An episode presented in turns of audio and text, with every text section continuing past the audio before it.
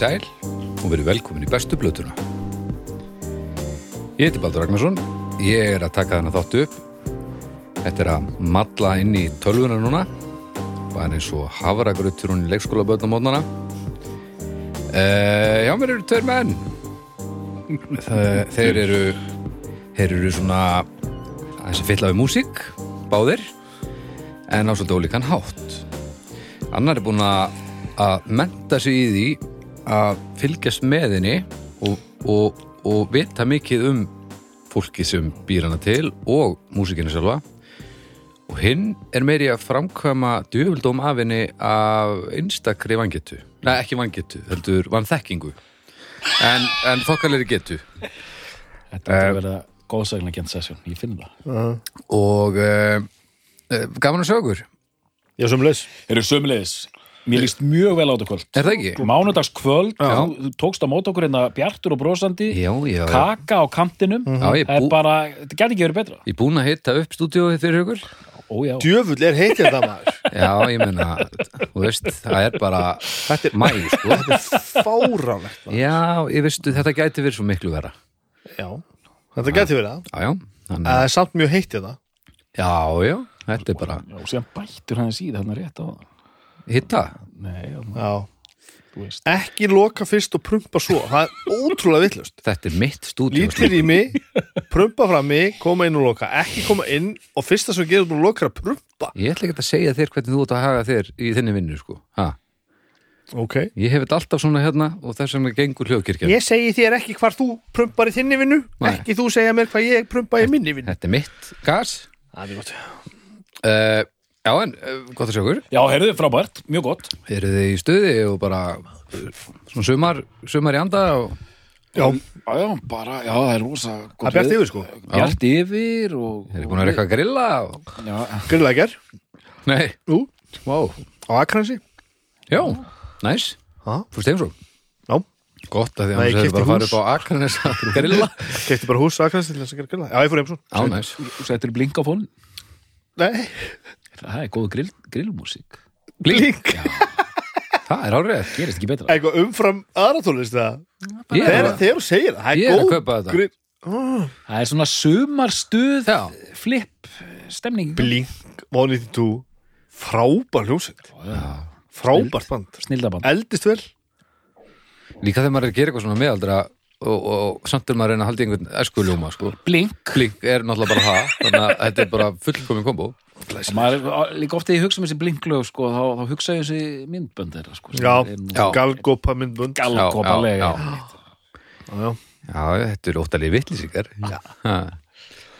Já. Heri, hérna, Við þurfum að tala um hluti. Já, við erum að tala um maður. Við skulum byrja að tala um Lucky Records. Já, staðurinn uh, staðurinn sem við elskum svo mikið og það sem í honum er. Ég lappaði þar framhjá bara á hann sko. Já, já. Já, þetta er Var bara með dóttur mína í tannréttingar Já, bjóður upp á það líka. Já, það er hérna Bakarbergi Vínill og tannreitingar Vínir, blöður og tannrættingar er góða dag. Það er það sem Lucky stendur fyrir í nafninu og svo er rekord svínilparturinn sko. Alveg 40% hitni eða eitthvað í tannreitingum held ég. Já, já, löggi, bara stórkostlega blötu búð og, Já. og alls konar dót Já, heldur betur og, og hérna gott staff það skiptir svolítið miklu máli sko. Hvað er þetta lengsta sessionuð ykkar inn í Lucky uh, sérst, að fara inn í búðina áðun og, og hvað hafið þið verið inn í búðinu lengi lengst? alveg vel yfir klukkutíma sko Já, ég, ég sko, við erum ekki með tónleika Nei, nei. við erum fyrir utan þetta, við erum, við erum bara í, í vínild og te. Ég er náttúrulega að setja þetta á árið það sko það tók mjög lengur tíma. Já, við ekkert svona. Vi, Við erum að tala um, við erum að tala um flett. Já, já. Ég, ég, ég, ég, ég eitt og hálfan eitthvað já, ég held ég sem með það sko. Eitthvað þetta er já, þetta er svona sogar mann ég mann þegar maður fór í þessar sérstöku ferðir til dæmis til London í plötubúður og þá var maður heilan dag, Já, marga daga Já, já. í öllum þessum plötubúður já. Aldrei færi maður nóg Þú veit að fyndi líka að þú hafi sagt frá þessu svona eins og allir muni tengja við þetta. Já, fari í þessar sérstöku vínilferðir. Er- veist, að- að, Jú, flestir náttúrulega sem eru að hlusta kannski á þennan þátt vonandi tengja við þetta að einhverju level Já, ég, ve ég veit að það er einhver sem er að hlusta núna sem tengja mjög hart Já, við já, það að fara til London early 90s En- til þess að kaupa Já, plötur. En opnaru, einhverju fyrirlestra í háskólanum oft með þessu eða, Heyrðu, Ég ætla að fara að gera það núna sko. en það ekki? Var það, var það þá vegna þess að, að þú gast fengið miklu meira þar heldur en hér? eða? Já, það var náðalega það sko þú kannski náttúrulega bara að fengið eitthvað þar Bæði þú gast fengið, það var þetta rosalegt úrval Já. og þetta titlar kannski sem voru ekki hérna en aðtöðu það early 90s Mhm. uh, þá voru engar búðir eins og, nú ætla ég að tengja eins og alveg út á smaður eins og lökkir Nei, ég var einmitt að, þetta var einmitt tengingina með líka sko. það var, að, aðal vandamáli var bara það voru ekki til alvöru sko second hand búð, Nei. það var vandamálið Já, Búðirnar sem voru þetta, eins og voru margar ágættar sko. já, já, já, já. uh, En það, þetta var svo einslitt Þetta var, þú veist, og vel um það að hugsa sem slíkt og meiri Algjörlega. sé að sko og náttúrulega öll romantíkin sem þarf að vera til staðar til staðar að því að, veist, að fara inn í róman þú veist, að fara inn í vínilbúð og það er engin romantík það er engin ást fyrir þessu, það er engin sem maður er, maður sér alltaf aðna þá deyr búðin, sko. Það, það var hann að Berwick Street sem var svona hliðagata frá Oxford Street. Þar voru sko 5 eða 6 plötubúðir. Og maður bara, þú veist, maður var hann 17, 18 ára maður bara þetta var eins og komin í himnaríki sko. Já. ofan í kjallara og bara enda löst sko. Það var þetta, þetta með plötublöður á Íslandi sko að, að maður vissi að það var ekkert að fara að koma manna óvart. Þú veist annarkvæmt var bara platan til eða ekki til. Og ef það var platan var til þá var það samt platan sem bjóst alveg við að sjá það þarna sko. Já, já, svona, en þegar þú ferð inn í svona búð þá gengur það að svona hotsteinum vísum sko svo flettur í smá tíma þá áttu bara að sjá eitthvað bara nöyð eintak af þessu hér maður, það er geðveikt. ég held að, að gull, gullmála magni í lökkir sé miklu herra en maður gerir sér greið fyrir. Ég held að maður myndi eigða sólæringarna og þeir eru þetta með sko nýtt og gamalt. Það sem var að gerast á 90 það voru sko steinar og skífan venjulegar búðir Já. en það var engin alvöru second hand búðir. Þær second hand búðir sem voru til já, voru bara sko safnara safnarabúðir Já, já, og, sem er og, annað, og fornbókabúðir. Já. þar sem voru bara einhverju kallar að vinna sem sko viski neitt sko já. um þetta sko. Já, það sem þetta endaði sem einhver svona partur einhverju búslóð einhvern veginn. þannig að þegar, þegar maður kemur bara að lappin í lökkir eitthvað ég ætla bara að segja það að maður er, að þetta er eins og að lappin í búð í útlöndum. Þú veist, það er það þurfti það, það er þannig sko. þetta er eins og lappin í búð í útlöndum sem maður finnur mjög að við gerum döiðarlega til að búðum já, já, á þessum túrum og, og þær eru ég man ekki til þess að við kannski fundið eina einhvern tímann sem ég myndi segja að væri Varst þú ekki bara latari en ég að elda þrása? það getur verið Þrási fyrir alltaf hverjum einasta degi og eldar Nei, og líka, og ef maður finnur sér búðir þá er það í Noregi eða eitthvað og þá fer maður gælt frá það Já, heim já, já. Nei, nei, það er nú alveg, alveg sem staðar. Þannig að þið þurfa að feika á ammalinast þrása að það hafi fundist sér pressa af hérna kissplötu í Egiptalandi og þá fær hann hjartaslag. Já, já, já, já. Ég hafði rænaði þegar við vorum í Japan að kaupa handunum einhverja kissblötu Já, það var ótrúlega magna. og þá var inn í henni einhver svona miði sem að er bara í sko. japansku pressunni þá, það var svipur sem ég held ég muni bara sjá einu sinni á hann Það var eitthvað rosalegt, sko. og það var fallegt sko. Já, já. Ég ánæði með, með þráin þessum við talum hérna vi- vínil ástina. ætlum að gera að plugga hérna vínilvaktinni grúpun á Facebook sem er alltaf greiðlega falleg. Já, Að hérna en, en hann, hann var svona rosalegu safnari og er náttúrulega, sko. safnar katalógnúmerum sko. En hérna hann er farin að e, í staðan fyrir, sko, hann á- svo áhverjanda sagt, óopnað, plastað sko, myntkondis, nýtt gamalt, þú veist, kannski þrjátjörgumur plata í, í plastinu sko, einhver svona vermaði til því í sérstök sko, Já, já. sem að ég, til mér sem ég tengi ekki við sko, ég safna ekki þannig sko. Mhm, en, og hann var alveg grótarður því að hún gaf hann mikið að eiga þetta sko. Nú er hann farin á aðeins á fullónis árum þegar hann er eitthvað pínu slói og fói og eitthvað aðeins þungt yfir honum fer hann og næri eitt svona rerti og opnar það einn með sjálfu sér. Og til þess að í róle- lundina. Það er svo gaman, skoðar í róleitum bara. Hann bara róleitum já, já. klukkutíma setna, allt annað. Þetta verður svo hugleislega. Sko. hann á bara inn í svona nokkuð svona meður í skápnum. Ah, búin að eiga þessa plötu inn í 15 ár. Ég ætla að taka utan af henn og skoða hana. Það er líka þetta er fallegt, hann er í ánæður magnað, sko.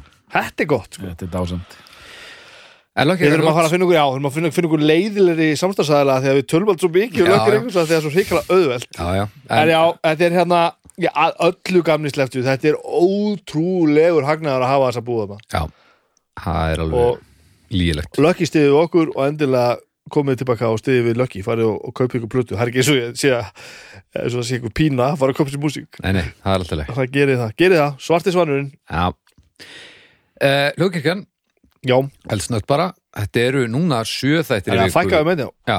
En hann er náttúrulega ennþá inn á veitunum en kokkaflokk fóru í frí núna í, í sumar Já. En það sumafrí, var alltaf þess. Já, ég, hann talaði þannig allavega hann, að, hann er að opna tvo veitingastæði og ég hugsa hann að ætla að sinna því pínu Á, leti er þetta. Já, þetta er náttúrulega engin framistæða Já, þetta eru þetta 30, 33 þettir. Ég ætla að Ég held að sé 33 þættir sem eru, við gerðum fyrir þetta frí ég ætla að tekka á hann að hann enda hann að gogga á kalda. Það er Já. svolítið spennandi. Já. Ég er ekki búin að hlusta á hann. Hann tók sér satt upp 33 þetta í einni beita en hann fór sumafrí. Já. Já, já, einmitt. Já, já, ég meina þetta Það tók létt. Þetta er létt Þetta er gott stöf, þetta er mjög gott stöf. Og svo, já, hinn er þettirnir þannig að núna erum við sko með tvo á föstum og engan á Já, þriðum gat á þriðum. Já, Já. en ég meina, þriðudagur er náttúrulega bara bíða dagur sko Djöfull er síðasti listamann þáttu fyndin. Topp 10 bóður um 10. það er illilega fyndin. Mjög gott. Það er ógæðslega gott. En já, þið farið að tekka á þessum hérna þáttum öllum saman Já, alveg endilega gerið það. það Endilega gerið það. Og það er kannski alltaf að nefna það líka. Við gerum að, held ég eiginlega aldrei hérna. Við erum alltaf að slæði hljóðfærósinu líka. Það er Músíktengt og Já, við erum heldur músíktengt að þátt hérna og síðast þá, þá erum við erum svona cirka einu sinni í mánu óreglulega aðeins heimsókn í hot hljóðfærósins þar sem að ég er að tala við fólk í mynd líka, í beinni útsendingu. Þú sendir út. Já, og síðasta fimmtudag þegar þetta tekið upp sem við vantar að þá rúmvika síðan já, var ég að tala við hérna Dísu Jakobs. Og það var helviti gott. Já, ég er búin að segja það. Það er flýgur á samfélagsmiðlum. Já, já, já, já. Og þið getur líka fundið hérna, nýjustu streymin inn á hljóðkirkjunni Við flettum þessu Já, já, inn á akkurat, akkurat. hljóðkirkju Facebookið e, líka En svo getið þið farið í, í gamla efnið inn á, á síðu hljóðfórúsins Þetta er skemmtilegt sko. Þetta er allt gott Músík og mynd. Förum, förum að gera hlaðarp Ég er svo spenntur að tala um þetta. Ég er, mjög ég er, ég er komin hérna on the edge of the- seat sko. já, Mjög gott. er- Það er gott sko, heyrið Já, þið ætlaði að, að tala um ákveðna hljóðsett og... Við erum ekki ennþá búin að upplýsa hvað hljómsætt er Nei, ekki nú eru- hvað hann fara að hlusta á. Nei, nú Hey. eru hlustendur alveg í myrkinu Þessi gamli, þetta er ga- gamall brandari Ég var samt að Já, pæla í já. einu. Tekin upp svona spari sko. Ég var samt að pæla í einu um daginn sko. Þá var ég að hlusta í, hérna, í appinu mínu. Ég nota Pocketcast segir að hérna, hlusta. Þú getur subscribe að þetta Já, uh, og þá var það bara þannig að þú veist um leið og kemur nýr þá bara hlæðst hann automatist í, í, í listan hjá það sko. Og ég er búin að subscribe hana eða svona, það helst það sem ég er að hlusta á. Og það er samt stundum þannig að ég er kannski með síman bara í vasanum í bílnum eða með headphonea í strætó eða eitthvað og bara horfðu gluggan og það byrja, byrja nýr þáttur og ég veit í alvörun ekki sko Hvað heitir, sko. það er kannski mögulega relevant. Já, að sé, sé fólk sem veit ekki hvað við erum að tala með svo að- við erum búin að gera grína Arnari hérna í, í tvö ár sko. já en ég minna þurfum við hægt að hýða Nei, nei, nei, við skulum Nei. halda því áfram. En, en, en, sko, þannig að það er mögulega að sé einhverja hlusta núna sem veit Já, ekki já, um hvað við erum að fara að tala sko. Já, ok, Hann, já, hann er kannski það er frábært. Ég, Það- ég en áttaði það- mikið á þessu. En þetta, hvað þetta bara var hjá mér um daginn, það var eitthvað svona intro á þetta og ég áttaði með að ég veit ekkert um hvað að fara að tala því. Ég, hef, ég er ekki eftir búin að sjá titlun á þetta sko. Þannig að við erum að fara að tala um bestu blötu Moody Blues. Nei, nei, þetta er, þetta er bara í væt þátturinn, skal ég segja. Jú, það hakka mann. Þess vegna er ég komið mér að þessu rödd hérna. Erum Herri, tölum um Ramones Yey! Ramóns. Já, Býtu, one, two, three, four. One, two, three, four. Sko, þið gerir þetta saman. Það verður við ekki að gera það? Mér finnst mest gaman þegar þið gerir þetta saman. Ég er skáld. Mest gaman að gera saman. Ok, þetta, við, þetta er svo mikið hérna, hvað Þetta er einn af þessum DNA þáttum sko.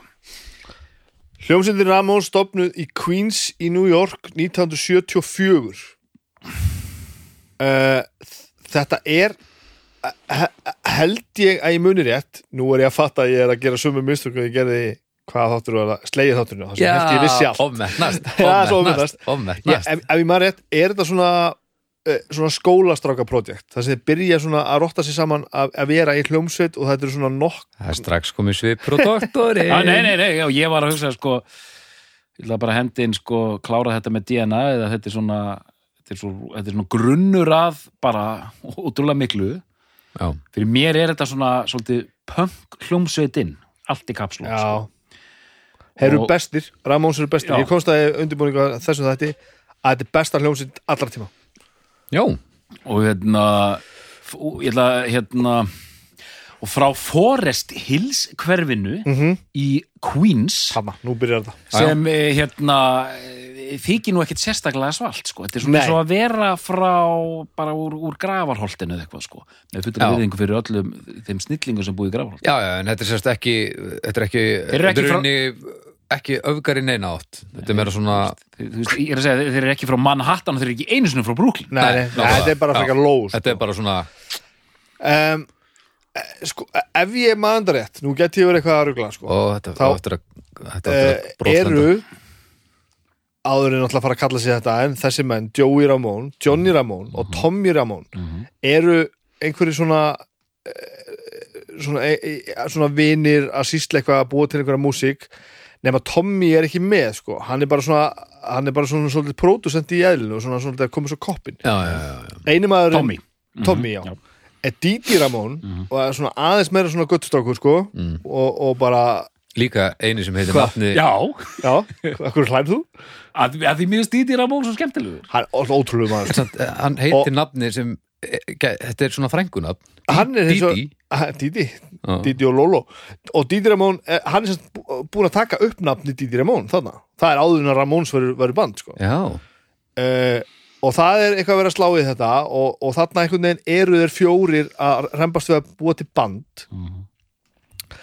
Uh, dreifkrafturinn sem Johnny Ramone er ofbóðslega svona str- straight forward Mm. vill gera hlutina og duglegur og bara svona, við gerum þetta, þú gerir þetta við erum búið til hljómsveitina uh, Didi Ramone með fullt af lögum strax byrjar að semja og, og svona hann er svona punkhjarta í bandinu allavega til að byrja með. Ok. Gítar og bassi, Johnny Ramone á gítar Didi Ramone á, á, á bassa og Joey Ramone á trommur og hann náttúrulega kemur inn eins og þessi geimvera sem hann er og við náttúrulega erum að tala mjög mikið um Ramone af því að hann náttúrulega er bara einn stórkostlegasta manneskja bara sem hefur stíð á jörðina sko. ok, ég ætla uh, að segja sko já. hérna og ég er eiginlega komin fram á mér sko. ég fór eiginlega aðalega að hlæja því ég fór að hugsa um söngröðina stýtir að món sko. já eh, sko, má ég, má ég koma einu að bara eldsnögt mm. þetta er band sem að ég ætti að þekkja miklu, miklu betur. Ok.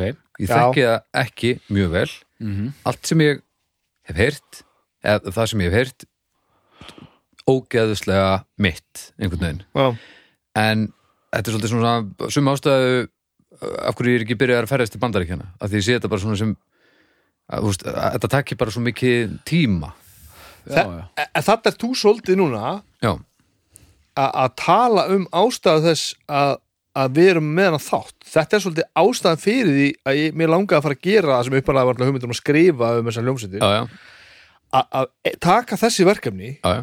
Ramóns þekkti ég nú alveg, alveg sæmulega en svo næsti þáttur er til dæmis verkefni sem ég þekkti ekki mjög vel Nei. og það er eitthvað sem ég er bara búin að halda í mér nokkur ár Já. og, og loksins náði ég bara að draga handan og djúft til þess að, til þess að taka fyrir það sem við ætlum að gera næsta þetta sko. En en, þú, sko, þú ert trættum að þetta ekki á langa tíma en það er nefnilega því að þú veist, þetta tekur ekki langa tíma, þetta eru stuttlög Já, þetta er rétt. Já nei, en, en þegar það eru stuttlög þá tekur það lengstum tíma með mér sko af því að Já. maður hlustar aftur og aftur og aftur og maður svoast inn í þetta og, og svo bara eru, eru börnin horfin sko. Allavega, ef við halda áfram. Já, höldum áfram. Og það er Tommy Ramón sem að svona produsentin í bandinu, svolítið svona e, í, í hópnum, ekki í bandinu, því hann er alls ekki búin í bandinu, sem hérna uh, spottar að Joey er langbæsti söngvarinn af öllum, Didi átt að syngja. Mm uh, hann gatt það ekki, hann gatt ekki sungið og spila bassanleið, það var of, of strempið, segja sumarsögur. Aðra sögur segja hann hafi bara ekki verið nóg góður. Já, það er eiginlega sama. að, en svo kemst það því að, að Joey hefur þessa ótrúlegu framsögn og einhvern veginn og er bara helviti góður söngvari. Þannig að það er bara auðvitað eftir trómuleikara og þeir fara í gennum helviti marga trómuleikara og, og, og, og, og það gengur aldrei að finna trómara og einhvern tímann eru að fara á æfingu og eru bara þrýr, eða fjóri sérst að Tommy er alltaf hana með þeim, alltaf eitthvað svona stúsa Mm. en hann sest við trómusett sem er það og byrjar. Og þá varð hann bara trómuleikarinn í Ramón sko. Og hann vissi ekkert sko. Og þess vegna, og hann fann upp að tromma svona, það hafði enginn gert þetta. Já, og það sem við erum að tala um þetta din, din, din, þetta allt hérna og öll þessi downstroke á gítarinn þetta ég veit ekki hvað þú ættir að hafa heyrt þetta fyrir 1974-5 þegar þeir eru að gera, byrja að gera þetta. Þetta er ótrúlegt sko. Það er líka svo merkilegt að Ramón sem er svona New York band bara allra tíma og samt fleiri New York bandum allra tíma það sem er svo merkilegt er að þeir tengjast á vissan hátt þessari art punk senu sem byrjar fyrst í bandaríkjunum. Hljómsveitir eins og New York Dolls Já. Patti Smith Já, uh, Television, mikilvægt nafn hann þetta er allt svona art proggy element í gangi já, já, já. og er á undan senun í Breitlandi en þeir sko koma með þetta bara, þe- þe- þetta skapa lón af þessu punki sem við erum búin að vera að tala um í þessum þáttum. Já, aftur Green Day aftur og Rancid aftur, og allt þetta dótari sko. Og bara sko og það er ekkert, að því, þú veist, Patti Smith Television og allt þetta, það er svona allt annað dæmi, þannig er svona þetta teiknimynda, sko þryggja mínútna ótrúlega grípandi skemmtilega Já, punkrock já, sem sko hérna þe- þetta er komum að því setna en þetta er svona, þetta er punk fyrir mér. Já, ég er eiginlega bara alveg sammálaður sko, klass er að spila rock. Ég er nefnilega alveg sammálaður Sex Pistols spila rock. Þetta er punk sko. já. já. Þetta er nefnilega svo hárrétt sko. mm. er svona Og það besta er að allir sem eru hlustur eru sammáleikur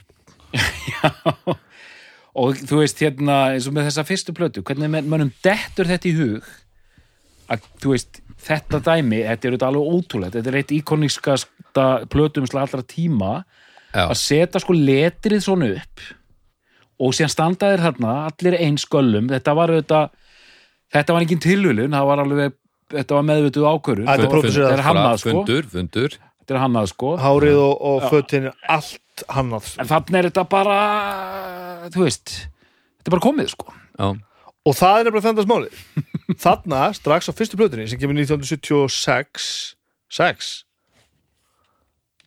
ég er að segja það, ég hef þetta 1976 já, Þarna- 76 þarna er þetta bara þarna er þetta bara klárt.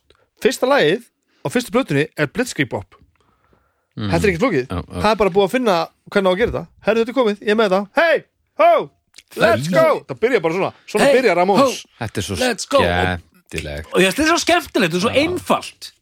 Og maður, þú veist, þú ferð af stað. Hvað er næsta lag? Hann er fyrir að vaka. Beat on the Brat, Beat on the brat, beat on la la la. Næsta? Judy is a Punk. Jesus Christ, það er komið þrjú lög og maður er bara fuck, uh, I wanna be your boyfriend. Geggjalag Chainsaw, brilliant lag Now I wanna sniff, now I wanna sniff some Now glue. I wanna sniff some glue. Now I wanna something to do. Og þessi textar, fáranlegir og svo besta lag af plötunni sem er I don't wanna go down to the basement sem er náttúrulega ekki eðlilegt lag sko. þetta, var, þetta var hlið 1 hlið 2, Loudmouth, Havana Affair Listen to my heart, 33rd and 3rd 53rd and 3rd segir ég. 53rd and 3rd Mhm. Let's Dance, I don't wanna walk around with you and, og svo er Today Your Love, Tomorrow the World. I don't wanna walk around with you. Ooh, I don't, og allt þetta 60s hérna referensa sko. já, já, já. I don't wanna walk around with you. Ooh, I don't wanna walk around with you. Ooh, I don't wanna walk around with you. Og Þetta er þetta einmitt- er bara allt frábært. Þetta er svo drífandi og Þetta er bara trillt þetta er svo þetta, Flossi, vinnur okkar. Já, já. Þegar að hann sem er fyrir alveg bara fullblón þunglindisjúklingur bara, bara væri á- í landsliðinu ef að kefti væri í, í depurð. Mesta þunglindi uh, þegar hann finnur að þetta er alltaf að fara í skrúðuna þá setur hann á sig hettuna pluggar bassan eða gítarinn og spila mér að mús er svo til hann sko. ná sér upp. Og ímyndið ykkur, maður heyrir, ég heyrði hann frá hann valgarði í fræflónum hann var að lýsa því þegar hann heyrði þessa plötu í fyrsta þetta er vá. skrítið og bara þú veist, þá var, þá var að því við erum ekki það hefnir Það er engin- það var ekki búið að búa til neitt það er svona engin áður. brú. Það er ekkert það er engin Það- brú yfir í Nei, það, þetta. það er ekki hægt að miða við neitt. Og hann bara svona hann auðvitað bara fjall í stafi eins og svo margir bara út um allan heim. Já, en kannski aðeins færri heldur en margir halda. Mm. vegna þess að á líftíma sínum frá 74 til 91 varð Ramóns aldrei risaband? Nei. Uh, En leirættum á líftíma sínum þeir hættu sko 2002-2003 sko. Ramones hvað er, hvað er ég að segja núna? Þú sagði 91 Já, já, sorry. Já. Nei, 90, nei, nei, þeir hættu fyrir Ramones Nú er ég alveg úr grillaður. Ramones sko Þeir hættu 90 Nei, hættu eftir 2000, já Já, Já, nú já, veit ég hvað er rögla ok, ok, ok. Hann- hann- Engar ágjörlega stundur, hann, hann er að hugsa um aðra hljómsveit. Já, það er Já, já, og, og Frá, á, frá, á, á sama stað á sama tíma með þessu Það er nú bara þannig. Ok, já, Hlustu ég bara næstu ykkur Nákvæmlega, ég ætla að vera að segja. Já, já. Skemmtilegt svona. En á- já, einmitt, þeir á- urðu á aldrei öll- stórir. öllum þessu tíma sem, er, sem gerir þetta enn merkilega uh, ég manu um þegar þeir hættu, ég veit ekki hvað er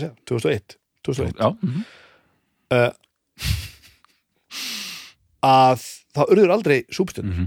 og, satt, og þeir hafa vantarlega bara aldrei verið stærri heldur en þeir eru bara núna sko. nákvæmlega og þetta bara stækkar og stækkar og stækkar og stækkar sko. Þeir eru alveg stór merkilegt sko. og, og, og það sem er eiginlega enn merkilega við þetta er það að stefnan var að verða mjög frægir Já, já, veist, þetta var bara vinsaldaband þeir ætluðu bara að verða mjög, mjög frægir og, og þeir voru bara frústrirað yfir að það gekk ekki upp Nákvæmlega og, og eitt duglegasta band allra tíma spiluðu bara einhverjum mörg þúsund tónleika sko. þetta er ekki eðlilegt þeir bara túruðu og túruðu og túruðu og túruðu og túruðu þeir voru bara alltaf úti, alltaf rétt komum við bara svona inn í höfn til þess að taka upp næstu plötu og svo halda á stað aftur sko. Years Active til 96 96, Já, Years Active Já, en þeir hætt eh, sest niður nú ertu búin að fokka alveg í mig nú er ég alveg nú er ég rólegur. eyðilagur. En, veitu, Nei, ég spyr, og var það bara fundurinn tekinn setna? Nei, hvað, hvað stendur? Hérna stendur bara Years Active 1974 til 1996 Já, ég held að það sé ég held að við séum þar Og hvenær er síðastu tónleikandir? hvenær deyr Joey Ramone sko? það er bara 2001 sko. Sko, þannig erum við, við Já, já, já, heyrðu Það er Eftir rúmlega Svo sett, 80 svo sett. þætti þá gerist nú e- eitt og annað kæ- kæru lustendur og ég bara ég árétta og legg áherslu á að hérna 96 eftir að tour with the Lollapalooza Music Festival Ramones, play, Ramones played a farewell concert in Los Angeles. Gott. and disbanded. Þá er það Korki þá er það Korki 2001, 2003 og ekki 1991, þetta er 1996 sem Ramóns hérna hætta. Þetta bara sló saman í haustum á mér, ég átt að vita þetta. Og bara, hlustindu góður við erum ekki hérna að taka eitthvað prófi á Nei, Snæbjörn, alls ekki. Við erum að tala um, um svona eigindir og gildi og hvað þetta þýðir allt saman. Já, ég myndi segja að það hefur báði hérna fullkonar klúra þessu. Já, Já, ég- búið- búið ætla en ártöl skipta minna máli en að komast að kjarnanum Nei. og hana nú. Þau skipta engu alvöru máli og höldum áfram. Eitt þarf að segja Eitt þarf að segja. Besta tímabil Ramóns eh, Plötulega séð Eru Er mjög knaft. Fyrstu þrjár plöturnar eru bestar. Uh, Við gætum alveg sett fjóru plötuna með. Ég er alveg til í það. Ég veit ekki hvað plötu þú komst með. Hvað komstu með? Þetta er fyrsta platan Þú með komst Ramóns? Ramóns. Já, þetta er platan sem- Það sem- er besta platan með Já, Ramóns. Ég vissi ekki hvort þú verður að fara svona eitthvað. Og þetta Byrjuðu gerist- hérna og svo eitthvað Þetta gerist mjög hratt sko. Ertu með listan, plötulistan og ég, ég myndi segja ég, ég, ég myndi einmitt segja þess að fyrstu fjórar eru svona það sem er oftast rættum ég myndi segja að tvær af þeim séu frábærar og tvær svona Ég sammála. temmilega lagar Já, Ok. okay. tölunar eru frábærar Slettu tölunar eru, eru, eru Já, já. Sammála því já, sagt, þessi plata Bara heilt yfir. Þe sko, þessi plata er, þessi plata hérna, Já. fyrsta platan er meistarverk Hún er meistaraverk. Síðan kemur plata sem heitir Leave Home. Já, hún kemur út bara Árið eftir. Já, árið eftir 77. og eiginlega bara átta mánuðu síðar. Rugglaða, já. Hún, hún bara er hérna Hún er bara síðri. Hún er síðri og það er svona flítibræður á henni sko. En hún er, hún er ekki slæm. En hún alls ekki. En hún er ekki svona góð.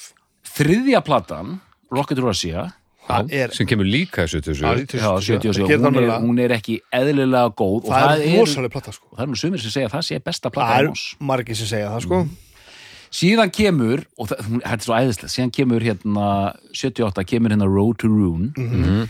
og það er svo dásanlegt hvað þeirra svona teiknimynda faktor er raun undirstrykkaður um umslæðinu sko. Hann náttúrulega er þarna þessi gaur þarna. Hvað heitir hann aftur?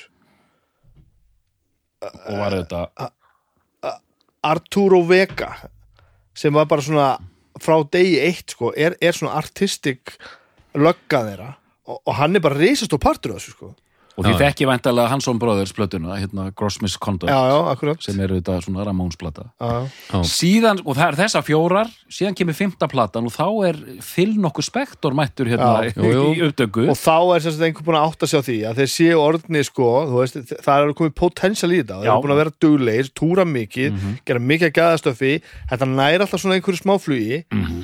og þarna á bara að finna leiðina til þess að gera það á súperstjörnum Já. Og þegar þetta Phil Spector dæmi byrja sko, þarna byrjar mjög furðulegu kapli sko. Að súplata er náttúrulega alveg helluð sko. og ég held the century, alveg, hún er rosaleg sko. og þeir voru með að pæla því að eins og þú sagðir að hérna, þeim langaði til að vera heimsfræðir sko, voru öruglega er, ég held að það sé alveg rétt þeir voru kannski búin að mála sig aðeins út í hopn svona stílega séð, þú veist, Róturún þetta er svolítið þreytt þetta er alltaf sömu lögin sko, Já, já. og þá bara, ok, gerum við End of Century gerum poplög Mm. hvað segir þú? Helluð. Já, hún er helluð.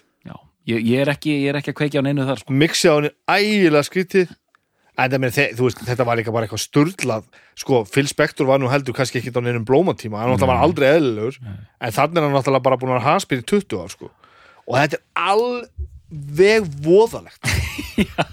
Fyrsta lagi mjög gott já, og, og, og það, það er alveg sprettir á plötunum maður svona, já, já, ok, ég sé alveg hvað er gerast Já, hérna, en bara, hvaða hvað, hvaða röð af vondu ákvörunum var verið að taka hérna, hvaða Þetta- ruggli er þetta? þetta var ekki að virka sko.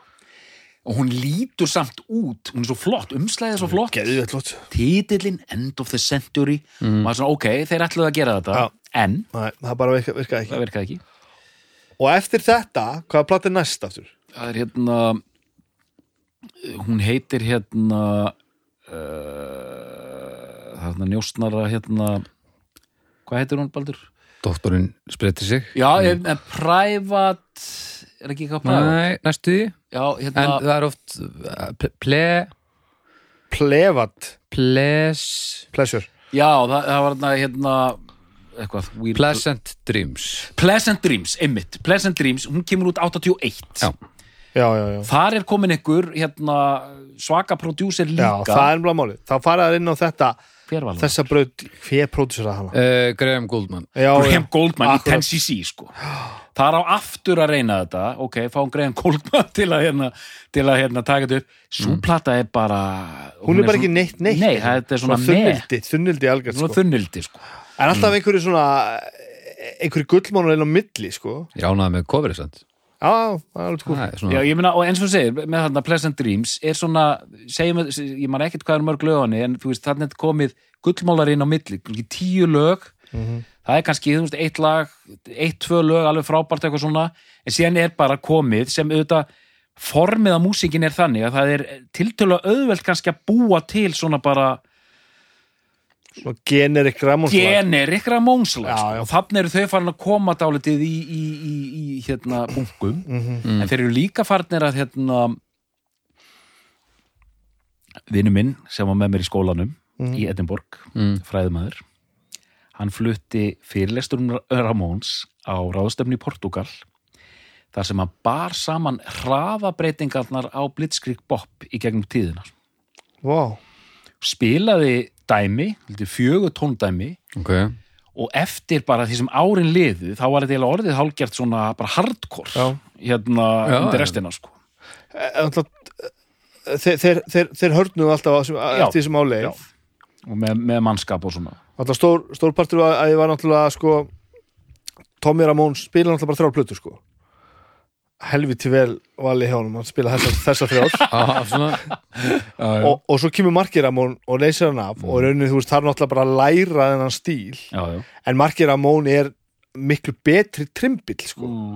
og hann, hann spilaði þetta bara fastar og svo bara miklu hraðar. Já. breyttist svolítið mikið sem liveband sko en notabene briljant trimbill og kom mjög skemmtilega inn í bandið sko. Það er ekkert nema gott um það að segja hvernig hann fyllti þessa skó sko. Já, hann hefði ekki getað byrjað þetta svona af því að þú þarft einhvern sem veit ekki hvað hann er að gera. Já, það, það, það, var, það var bara ekki búið að finna þetta upp sko. En svo er gott að fá einhvern sem veit hvað hann er að gera til þess að gjör negla það. En hann, hann refsar þessu meira sko. Já, hvaða plata kemur út á eftir Pleasant Dreams?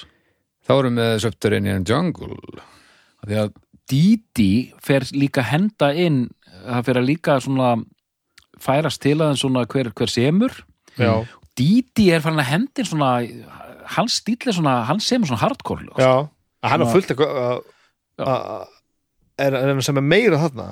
Já, en svona, þú veist, hans stíl er svona hann, hann, hans stíl er svona meira hann á ekki sína þessa pönkur okkar sko, Já, það er ekki hans stöð. Já, hann er svona minna í hérna melodíunni, sko. hann er 53rd and 3rd sko, Já, það er er alveg hann sko. hann er svona harðari og hörð típa heroin fíkill og, og allt þetta já, sko. Og rosaleg típa hann er ílíku karakter sko. það er hann sem t- taldi það á milli what the þreifar og hérna og einmitt sko bara eins og hérna tónleikarnir og hérna tónleikaplatan It's Alive. Skulum aðeins tala um það svo við það ekki.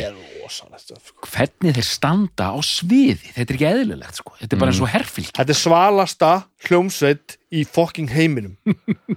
Sjá þetta, þetta line-up sem er að spila þannig á þessum tónleikum það, þú fokkar ekki í þessu sko. þetta er ekki eðlilegt lúk aldrei talað á millilaga bara vaðið beint í, í næsta lag. Brent í gælum ba, bara ekki, einu sinni- það er ekki eins og þögn. Já, einmitt. Það bara sleiði á lagi og bara what the þreifar næsta lag bara. Og, og holy shit hvað eru góðir maður. Mm.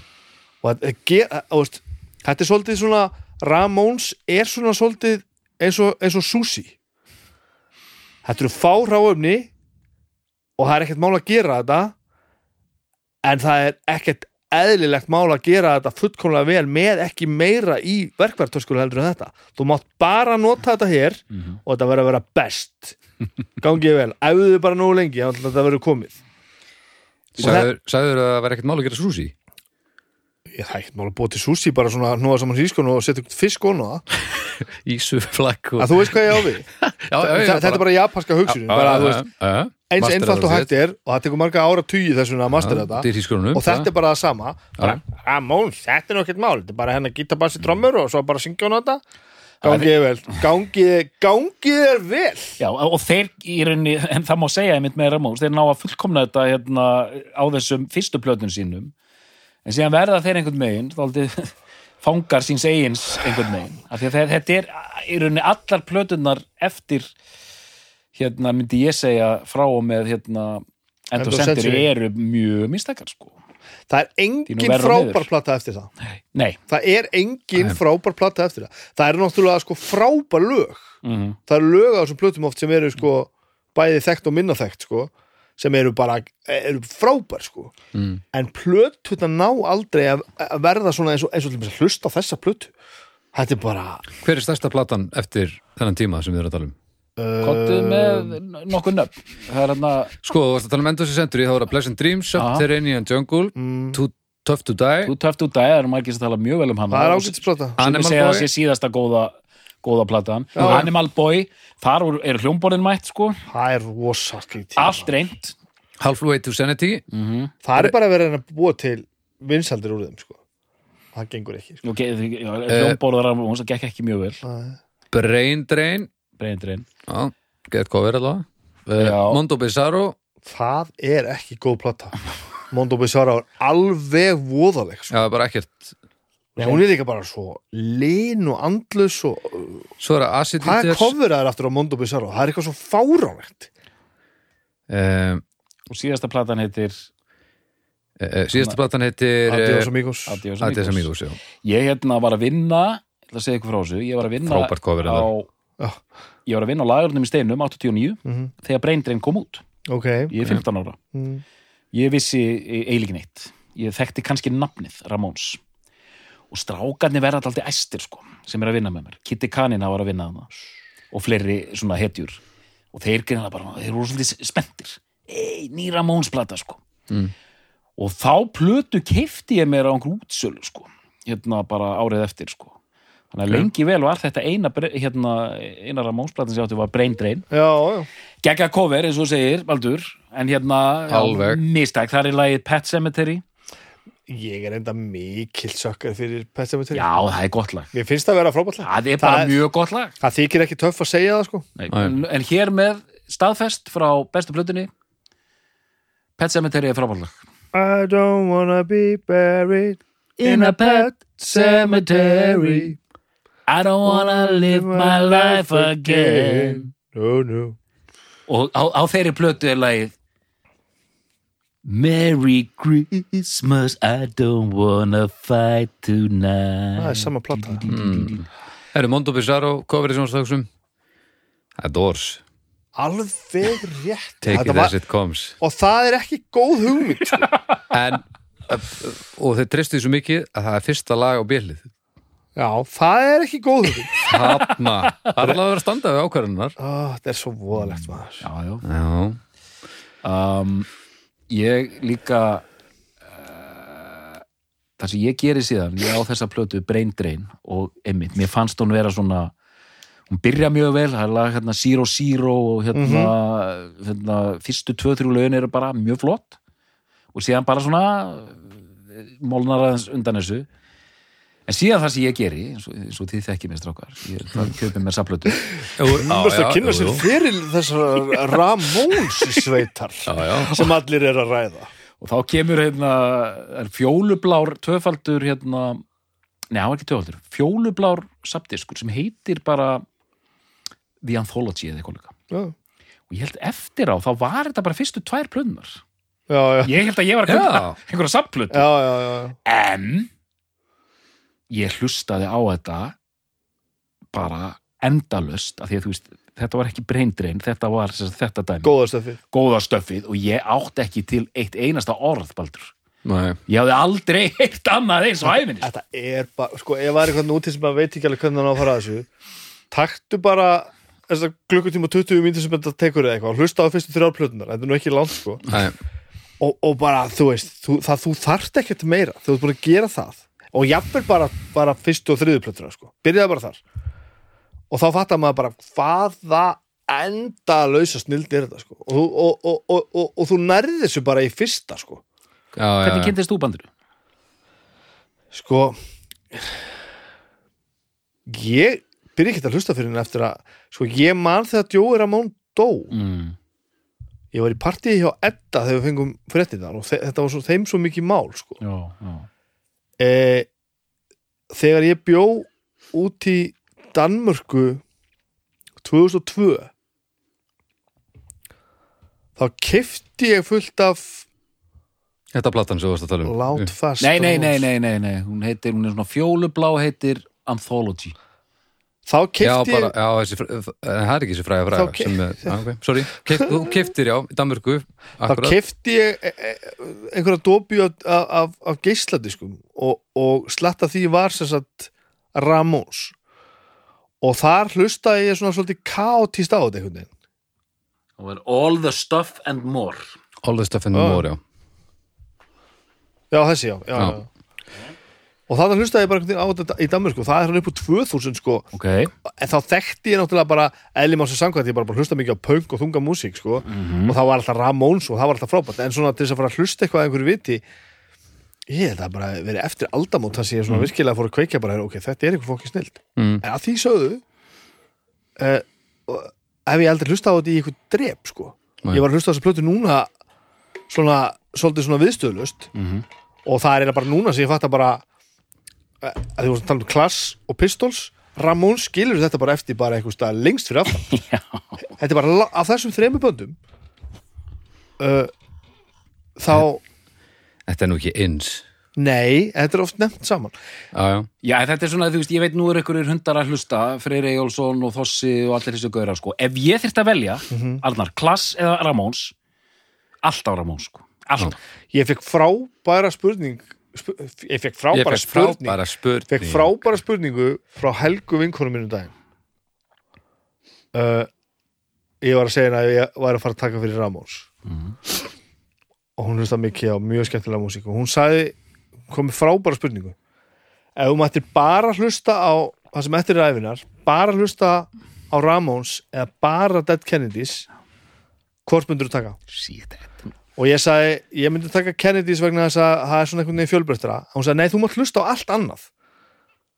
En ef þú ættir að velja þú mátt hlusta á alla músikin í heiminum, svo máttu bara hlusta á Ramones eða Dead, Dead Kennedys, þú voru bara að gleyma öðru bandinu. Ó, og þá komst ég að því, ég myndi frekar sleppa því að hlusta á Kennedys. Ég myndi frekar hlusta á Ramones og alla, alla aðra tónlist í heiminum en ef ég mætti bara á eitt, band í heiminum þá myndi ég hlusta Kendis Já, ég, ég, ég, skil hvað þetta meina það fór heill dagur í þetta. Sko. hún er, hún- er, hún er Íslandsmeistari í svona spurninga og svona pælinga. Og það var bara, fokk, þetta er góð spurning maður. En, en, en Ramones er, er betra band en Dead Kennedys Já, ég held einmitt sko Ég held einmitt nú er ég sko alltaf farin að fulla eitthvað sem ég ætla ekki að standa við aftur seinna, Nei, sko. en sko maður er alveg að uppgöta svolítið sjálfan sig sko hvar maður stendur af því að þú veist, ef, ef, ef, ef þú myndi segja mér, býtu Arnar, akkur þetta taka Ramones fram yfir Sex Pistols og Class, þá myndi ég segja þetta er bara ómikið rock hérna Sex Pistols og er bara ómikið rock ég vil fá punk, Já. punk og rock er ekki sam rock, Rökk. rökk punk og rock er ekki sami hlutur Nei, nei. Nei, nei, nei, Það nei. er bara, og þú veist, þetta er bara come on sko, hvað með þá? punk já, já, Já, punk. Mikið punk. hardcore punk sko. Ja, punk Dead Kennedys eða Ramones, þú veist hvað þú veist, mér finnst ég er náttúrulega miklu, þekki Ramones miklu minna en mér finnst bara svo skrítið að vera þetta er líka, en þetta er svo þetta, þetta er svo ólíkt sko, þetta er bara náttúrulega en þetta, annað væri ekki til nema fyrir hitt og En þetta er eitthvað, sko, sko, þessi plata, tökum bara þessa plötu, mm. að þú veist, þetta er bara, ég veit að maður hljómar einmitt, eins og leiðilegu prófessor, en þetta er eitthvað, hvað, hvernig er þetta að segja þetta, hvernig er þetta að tala um þetta, þetta er svo, já, þú veist, orðið mikilvægt, er þetta mjög astanlegt orð, en, þetta, er, þetta er það. Þetta er bara, þetta, Já, já. þetta er einhver svona, þetta er einhver svona frum, dr, þetta er bara fyrstu drög af svo miklu sem kemur á eftir, sko. Já, já. það er þetta að rekja svo ógeðslega mikið bara beint niður í þessa plötu, sko. og það er alveg sama hvað maður hlustar ofta á þessa plötu, já, lögin er svo stutt og þetta er svo hratt, Já. það er svo gaman já, já, og þetta er svo grípandi að maður bara liftist, eins og þú veist að tala um flosa, sko, maður bara liftist upp. Og svo er þetta svo sérstakt. Það hefur alltaf svo mikið með þennan söng að gera. Já, hann er alltaf ofbóðslega afgerandi já, og hann er fullkomlega frábær. Ramone er bara besti söngvari allar tíma sko. það er eitthvað rosalegt við að hlusta á hann syngja sko. já, uh, uh, verðum við ekki að fara að tala þessu mennina? Jú, gerum það. Þessi menn hérna fjórir sem við erum að horfa hérna fram á þessari plötu hérna sprengjuöllin þeir eru allir dánir. Já, eru allir dánir, allir fyrir aldur fram svakalegt. Mhm, uh, allir sem að leistu af í þessu bandi mm, komu setna inn, eru lifandi. Já, sem eru, eru fjóri líka. Já, og þið eru þetta, einmitt, byrjum til dæmis á eða taka from left to right Já, það, byrjum á Johnny Ramone með, með, með skálaklippingun og fallegu það er eiginlega frekar uh, það er eiginlega bara frekar gott að byrja einmitt þar. Gítarleikarinn.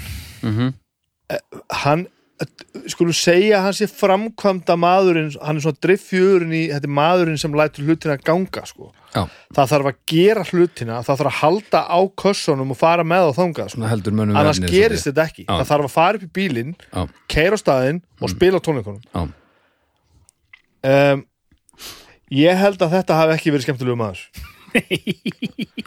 Það, það, það er sko það er ritað og staðfest hérna uh, mjög kassalaga íhaldsmaður og republikani lengst til hægri sko. lengst til hægri og sko með snert af einhvers konar einhverfu sko og í rauninni, þú veist, erfitt með að brosa og bara einmitt hundleðilegur minni sko. Já, það voru teknir inn í Hall of Fame hana einhvern tímann upp að þ- þegar Joey var þá var Joey dáinn.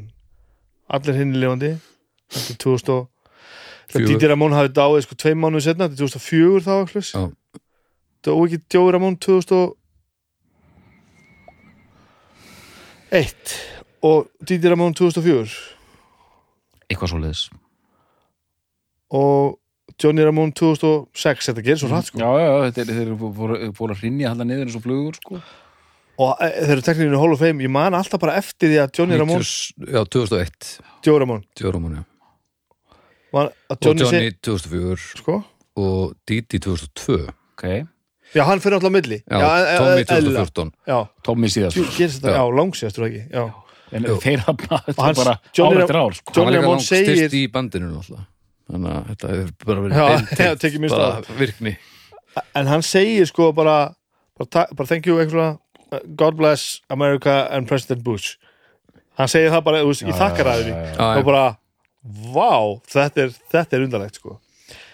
Næstur á myndinni er Tommy Ramón. Tommy Ramón, síðhærður og flottur enda hálfgerður hippi. Já, eðlilegastur af þessum fjórum einhvern veginn. Mm Svona, eða svona, hvað var að segja, eðlilegastur ekki þetta að segja það, en svona ekki alþýðulegastur einhvern veginn. Og hann ætlaði raun ekkert að vera í bandinu hann bara svona stek, stekkur inn sko. og, það var meiri sér þannig að sko, hann fekk alveg nóg hann á þessum árum sem liðu, á þessum þreymur plötum og hann hætti semst í bandinu en hann, hann held til dæmis áfram að kóprodúsera og, og, Já, já, og gera fullt með bandinu sko. ekki- semja og hitt og þetta sko. Já, hann bara, hann, hann ætlaði aldrei að gera þetta og hann stóð svo bara við það sko. og, og, og það er hansi mörg viðtöl sem ég hef séð og lesið við hann sko sem varpa svolítið áhuga verið ljósa á þetta þegar þeir eru allir farnir sko. þeir eru allir dánir og hann er að tala um þetta í retrospekt þegar hann tala um sko félaga sína sem eru dánir og hvernig það var þá svona koma aðeins öðruvísi sögur sko. Og þá fyrir maður að fatta bara hvað þetta e- hefur verið grillað sko.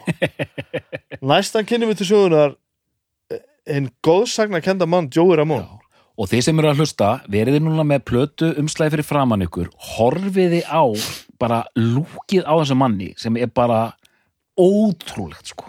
Hann er svo gúl svakalegur sko. Þetta er, þetta er svalasti maður allra tíma. Sko bara holningin á honum er með, með ólíkindum sko. Svona ólega hávaksinn mm. grind og ræður einhvern veginn.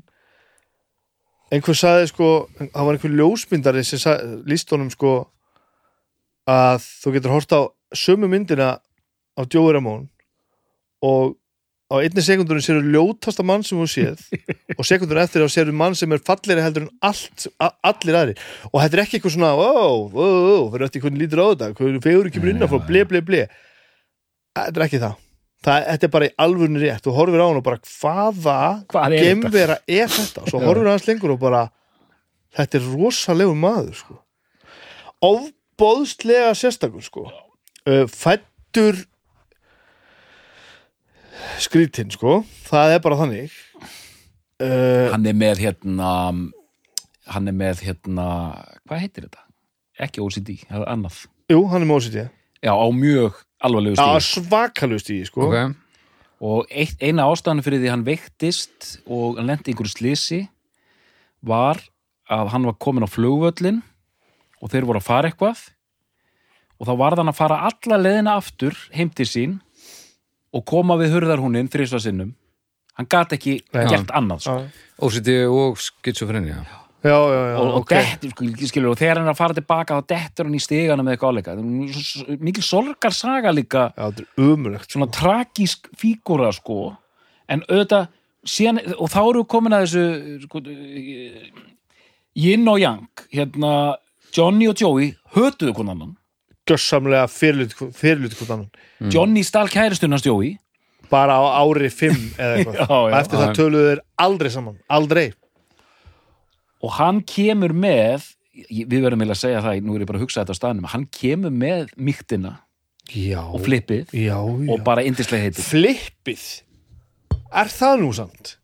Hvað kallar þau flip mm, mér líður eins og Joey Ramón hafi ekki verið fær um að flippa. Nei, þetta er hérna, eins og segi, ég er, hérna, ég er að kasta þessu práfu hérna á, staðnum, hvað se- se- segi ég, hérna, mýktin, mýttin algjörlega. Uh, e- Þessi- eitthvað svona, or- eitthvað svona, eitthvað svona organist, sko. svona ma mannlegar tilfinningar mikið af því og svona opnar einhvern veginn inn í eitthvað sem að, og maður svona bara oft bara svona barnalegt sko. Já, já, bara svona næf nálgun sem að tengir einhvern veginn svo fullkomlega við sko hann náttúrulega byrjaði ekkert að tala fyrir hann var svona 20 ára sko. Og einmitt sko bróður hans nú, var nú hann með þeim eitthvað að, mótata á sínum tíma, var þessum böndu sem var hann í kring sko. Hann, sérst mann eftir ég hafa ákvaða að fara og sjá þetta band sem bróður hans var í sem fannst, fannst hún býsta merkilegt. Og hann held að hann var að þá að spila trommur sko. Og kom Já. sagt inn og sá gig sem þeir voru að spila.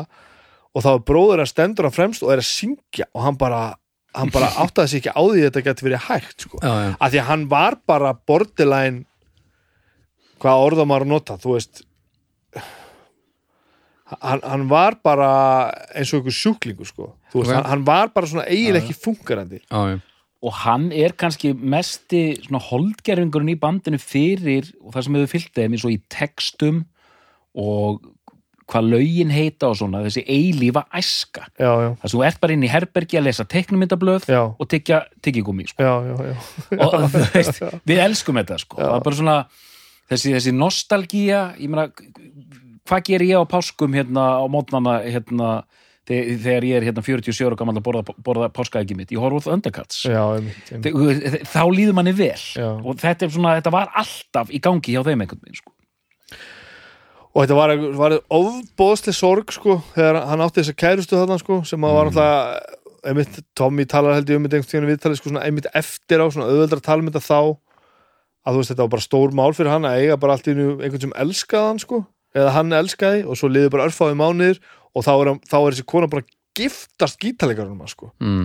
og þau voru gift þannig til hann dó sko. og, og, og, já, og ég, þetta var bara svona meihems tilfinningamál sko. Og ég skil ekki, ég horfði á eitt YouTube-viðtal þar sem þeir eru í spjalli, Joey og Johnny að því að Ramóns er að fara að hætta og þeir sitja saman hæfilega nálægt hvort öðrum sko og ná alveg að spjalla og er að henda á milli sín en, þú veist, þeir horfa ekki á hvort annan þetta er svo merkilegt sko, að þeir voru saman í bandinu já, en töluðust ekki við. Og bara, bara, bara hötuðu annan já og, og ég meina Johnny Ramón mætti ekki gera fyrir hans. Hann tala aldrei við hann eftir bandið hætti. Og það er til viðtal mjög frækt við ætla sé ekki hérna heimildamöndir hann End of the Century. Mm. hvernig leiði þegar Joey dó? Herru, mér leiði, ég var á bömbur í heila viku mm. hann tekur það fram að- og bara, mér, mér var bara ekkit einhvern veginn vegna var mér ekki sama segir hann já, og ég var hérna, I was depressed for a, for a whole week. Og hissa á sjálfum hann var hissa, hann var ekki þannig að fela Nei. en hann var bara- hissa á því hann hefði bara, er bara náðunum og sagði, ég veit ekki hvað þetta er. Sennilega bara því við eitum svo miklu tíma saman og byggum svo mikið til saman. Mm. en, en, og bara akkur hérna hafði ekki samband við hann, þú veist, þegar hann lá banalega og svona, ég myndi ekkit vilja einhvern veginn gera það við mig sem hata mig, sko Veist, þetta var allt svona, alveg og þeir báður einhvern veginn, svona gjössamlega stone cold, sko, Mhm. svona a- a- a- a- að bara tegja sig ekki neitt sko. rosalega furðulegt sko. en hann svona fullkomlega heitlandi hann svona fullkomlega heitlandi og náttúrulega, náttúrulega með þessu ótrúlega rödd þegar hann að syngja sko mm. en það er ekkert nóg verðin þess að þegar þú fyrir að hlusta hann er fáralega góðu söngvari sko. Það er ógeðslega skýra og skemmtilega framsögn og já, og svona alls konar núansar sem er ekki að gerast óvart mm. hann er ekki bara eitthvað svona, eitthvað svona sérstakur og heppin að syngja skemmtilega hann er bara drullu góður vókalisti sko. já, já, Já, þetta er svona magna sko, hérna fræflandir voru með lag á tributplötu til Djóður Ramón Mm. sem heitir Heaven Needed a Lead Singer já, já, og það er svo gott sko. fallet, fallet heiti sko og hann náttúrulega er algjört íkon í þessum heimi sko. Já. ég sá um þetta Hansson bróðis, ég sá um þetta Hansson bróðis spila bara, bara hann nýta á henni ég sá það spila þegar ég var út í Danmark Danmörku, 2002 wow. á Loppen og nómis nóður ekki og Nómi Snó Sama bara kvöld. sama, það liður bara örfáði mánuður á milli já, og það liður náttúrulega bara fá mánuður bara á þessu giggi gefið mér að þetta var ekki eðlilegt sko. þrýr tímar á bandur og eitthvað Hansson bróðis þeir voru með svona risastóra plastaða mynd af Joey Ramón sem þeir svona dróðu fram bara mjög reglulega coveruðu svolítið Ramóns og bara töluðu um hann sko og fattaði maður bara, veist, vá, þetta er ekki eðlilegt sko. þetta, þetta var algjör hending sko hérna kemur út á Alternative Tentacles emitt, platan Gross Misconduct já, ég keipti þessa plötu bara, ég lesið eitthvað um hana ég keipti hana bara á Japis gestadisk útsölu, 500 kall Mhm. ég, ég dyrka þessa plötu ég kann hvert einasta slag utan á sko. ógæðslega góð plata sko. þetta er svo skemmtileg þetta er bara alveg því líkir meistarar sko. ótrúlegt band sko. þannig að sko hlustendur um að ruggla þessu ekki saman með hljómsdina Hansson sem er aðeins annan og margir hafa klikkað en, þú veist, ég, ég veit ekki sko öllum þessum þáttum sem við höfum gert hérna, ég efa að þú veist, við heyrum þetta band í rosalega mörgum hljómsöndum sko. Já, já, já, já, já, þetta er enda löst sko. bara allt punkrockurunni bara er með vísanir í þetta sko. að því við erum að tala um. Pistols og Klass og þetta -hmm. eh, eh, menn Strömmur sagði bara við, við vorum bara Helmut Ramóns þetta kemur allt þaðan sko. Mm. bara blúprintið sko og, Og- heyrir, heyrir ég daldið á fyrstu klassblötunni er, það er svona svolítið Ramón sko. þeir fóru yfir til Bretlands og, þeir, og, og, og, og sko sagan segir að þegar Ramón spilaði í Bretlandi þá þeir ekki átti fræðir hefðu lítið following í, í, í bandarækjunum miklu meiri í Bretlandi uh, komu og spiluðu og sagan segir sko að allir sem að gerðu svo punkböndin árin á eftir voru í krát, krátinu sko. já, já, já, strömmur var já. pistolskörðin voru þarna mm. að bara voru allir að horfa á bara þetta hér er málið sko. Þannig að þú komið líkil að því að þú veist, þetta er svo fáránlegt. Það er ekkert sem kemst nálagt því. Þetta er ekki einhvern veginn svona að það hafi verið tveimur eða þremur árum fyrr band sem var svona nokkurn veginn eins og Ramóns. Nei, nei, nei, nei. þetta er algjört tíma móta dæmi sko. Já, já. þetta er ótrúlegt, þetta er ótrúlegt þetta er er bara- og líka bara sko þeir feituðu heldur ekkert inn í að gera það sem þeir eru að gera. Bara fyrsta platana síðana Ramóns, þetta er bara alveg Ramóns alveg, og, og, og, og, og fólk búið að vera að hlusta á sko 20 mínútur lög með Yes og Genesis og svo eitthvað svona hann í mörg, já, mörg já. ár. Ímyndið ykkur bara já, þú veist bara Chuck Berry og Elvis Presley bara bara Mhm. þú veist, munið, munið þegar það var gaman. Já. og hvað búið að gleyma því sko? Og svo við Stuð. einn mann eftir, við höfum Didi eftir í upptalingun okkar. Didi, hann var alltaf, vinnur okkar. Hann var maður sem átti mest bátt. Hann var guttstrákur Já. og ég held að sér nokkuð víst sko, hann vildi aldrei tala um hann að 50 and third. Að það var held ég bara það sem að ógeðslegu manninni fóru og, og, og keiftu sér litla stráka sko. Og hann hafi bara verið að selja sig það sko. Mm. þetta er bara þannig, þannig fílingur í öllu sko. Uh, hann, hann er á einhverjum miskilningi er, er hann stundum hafður eins og hann hafi verið bara eitthvað, eitthvað lukkutröll í bandinu, sá sem taldi inn og var svona með einhverja stæla, menn hann samdi uh, alveg sko risastóran part af þessu.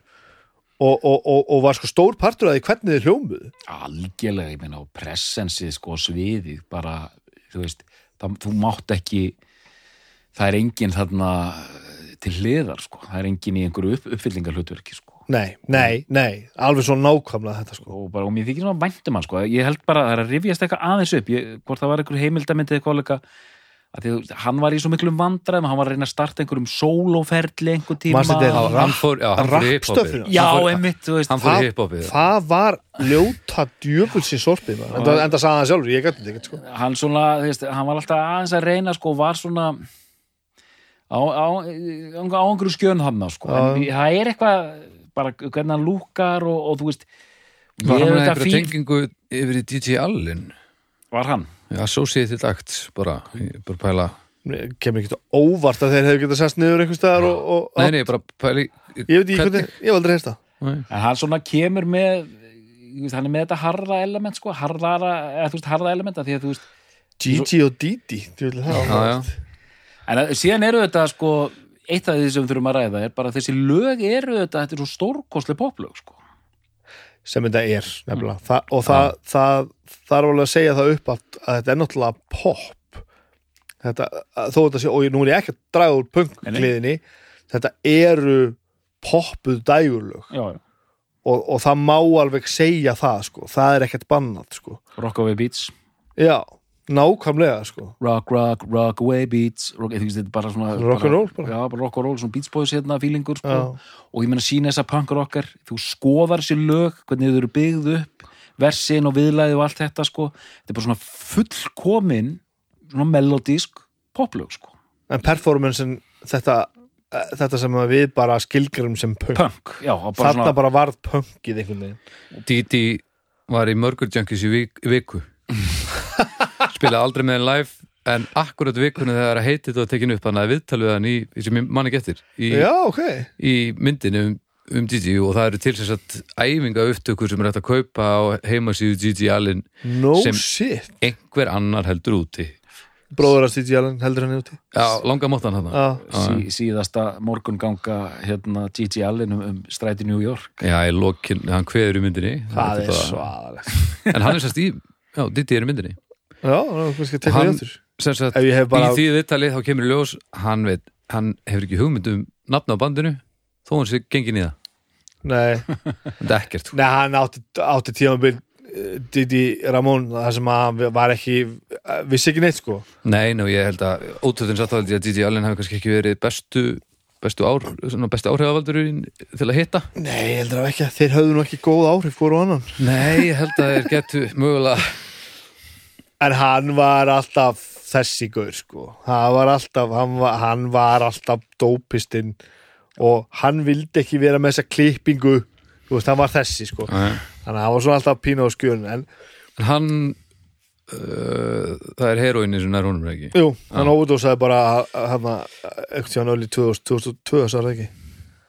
Jú, jú, það var bara þannig og, og það eru við við hann þar sko eins og, hann- þetta Hall of Fame dæmi sko eh, þú sérði alveg á honum hvað þetta er sko, þú veist. Já, ef maður hefur einhver pínu insýn í þennan heim þá, veist, það þarf ekkit engan eitulífa sérfræðing til að sjá hvað er að gerast sko. Nei, nei, en ég meina hann var samt greinlega en þessu, veist, hann er búin að vera tengdur hinnum þessum verkefnum og, þú veist, að láta vaða í hiphopið og eitthvað, þetta er, er eins og hann hafi bara Fi- staðið á hliðalínunni og Nei, alltaf það bara er svo skemmtilega fylltislu sko. Já. það er það sem hefur verið svo gaman með hann einhvern veginn. Að- og ég held að það sé ég held að það hafi eins og mér hefur tekist þetta púsla þess að sögu saman sko.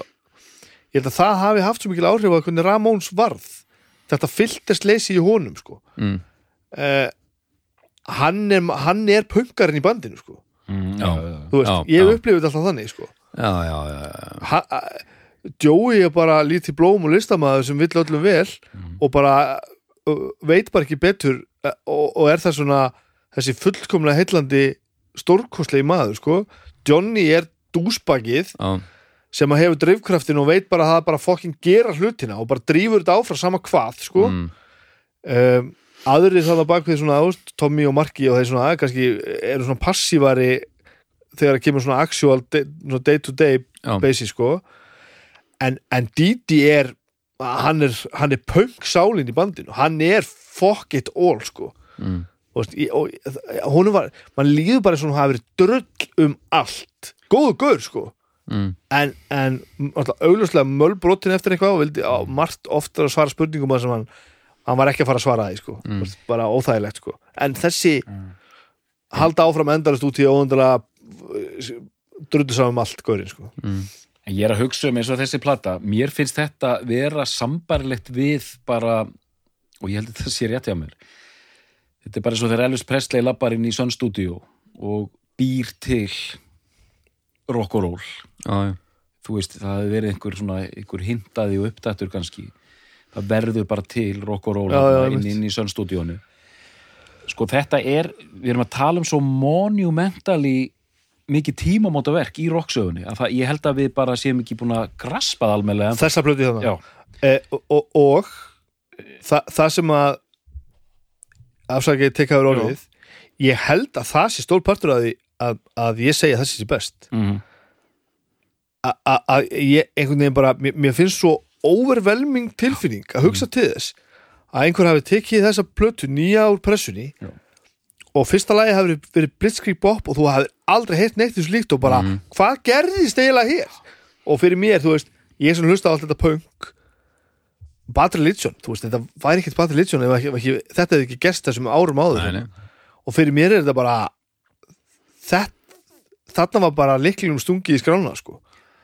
Einmitt og bara sem sagt já, það er svona að, að, að, að, að, að hérna já, eins og ég verið að segja sko að hérna, ég heldur séum séum bara ekki ennþá einhvern veginn búin að að höndla það hérna, að, veist, og, og því ég er að bera þetta saman hann að veljus presli, að hérna hvað einmitt og við hérna, ungir menn með við þessa sem heyrðu þetta hann í fyrsta skipti hversu rosalega mikið tímamóta verk sko í rockið þetta er og ekki bara sko hvernig tónlistin sjálf hljómar og hvernig hún er samin og flutt og allt það Mm. heldur líka hvað þetta var mikilvægt að koma inn aftur með, þú veist, það var búið að hlaðast upp sem bílarnir byrjuðu uh -huh. var búið að hlaðast upp alltaf flóknara, flóknara, flóknara, virtuosa drastl endalust og virtuosa og virtuosa og sko progsveitinnar og allt þetta sko Mm. og þannig bara þetta er bara svona skamhlaup það er bara svona byrjum bara alveg upp á nýtt já. með algjörlega nýja músík sem er ennþá, þú veist, verið að vinna með. Hvað, hvað er, þú veist, meir en, meir en já, 40, 45 ár síðan, sko. Pældi því. sem þetta er bara svo merkilegt, sko, að, að það er ennþá verið að gefa tónlist sem er, eiginlega bara mjög lík já, þessu, já, sko. Já, já, bara er ekkert, þetta er bara svona tilbreyði við þetta. Og, og sko hvenar eh, það er ekkert við þessa plötu hérna sem er dated. Soundið á Nei. er ekki dated spilamennskan ekki, textað er ekki. Það rétt. þetta er bara, þetta er að vera hálfur aldar gamalt. Og þetta er alveg skotelt. Þú getur sett þetta út í dag sami bara nákvæmlega þess að blötu láta hana sánda eins og hún var fullkomlega relevant sko. þess vegna verða sko næstu þrjár plötur og eftir eru, ef maður er að vera mjög ljótur þær eru þetta veist, bara more of the same. Þó að sko eins og Rocket og Russia er stórkostleg. Já, hún er geðveik hún er bara, það er bara geggjuð plata. Það, hún er mögulega Já, og, og, og ég var að lesa ég ætla, ætla, ég, Ég ætla ekki að ég, að vera með smá pókafis að ég, ég var einmitt að lesa dóm hérna um Rocket Russia. Sem sagt, ég, ég örgulega nefnt hérna sem þú skrifaðir. Stephen Thomas Örlven, hérna rittstjóri All Music og hann og hans vinir í Ameríku þetta eru Amerikanar og Stephen Thomas Örlven er einar eldri en ég og síðan er hann með eitthvað svona menn í kringu sig Amerikana Mm. og þar sá ég allt í einu línu sem ég hafði svona, raunin ekki séð það er bara svona Rocket Russia og þú veist, þessi er þetta algjörlega geggjuð en það er bara, þú veist á Rocket Russia they perfected the formula bestu lögin besti flutningurinn Mm. hinn fullkomna plata sko og bara segir þetta skamlaust Mm. og lítur framhjá tímamótadæminu og segir bara sem er kannski líka þetta er heiðalegt þeirra mestarverk það er kannski heiðalegt að gera það líka sko. Það er, já, og, það- og það er hægt sko. Og svo fyndi hvernig hann að Leave Home einhvern veginn bara svona, "Ah, já, byrju, hvað, já, kom, Já, kom hún- út. Já, hún er, hún er, það er ótrúlega af því, af því það Er heldur ekki er það hundaplata að Nei. Nei, hún bara og, svona og, þess, og fyrir viki er þetta enn skrítið bara óheppilega staðsett. Og líka bara, bara, bara umslægið er eitthvað svo, þetta er bara svona maður manum alltaf hvernig hún lítur út Nei, það er eitthvað svona ljósmynda djók framan á henni svona í lit eitthvað. Síðan kemur Rocket Russia. Lit?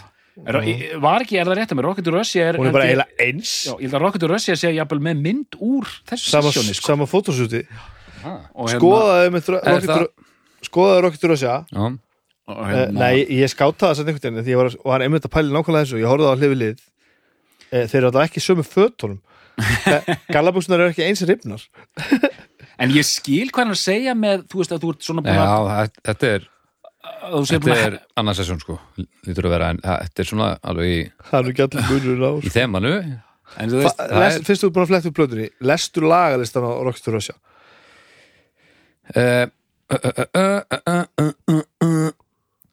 Kretin Hop Þetta uppáslag Kretin Hop þetta er bara eitt besta uppáslag á blöðu ever þetta er svo vangirð Rockaway Beach Geggjalag Here Today, Gone Tomorrow. Mm -hmm. Lock It Love. I Don't lock Care. in, lock in, lock in, I Don't Care. Sýna þess að punkrockar We're a happy family. Hlið 2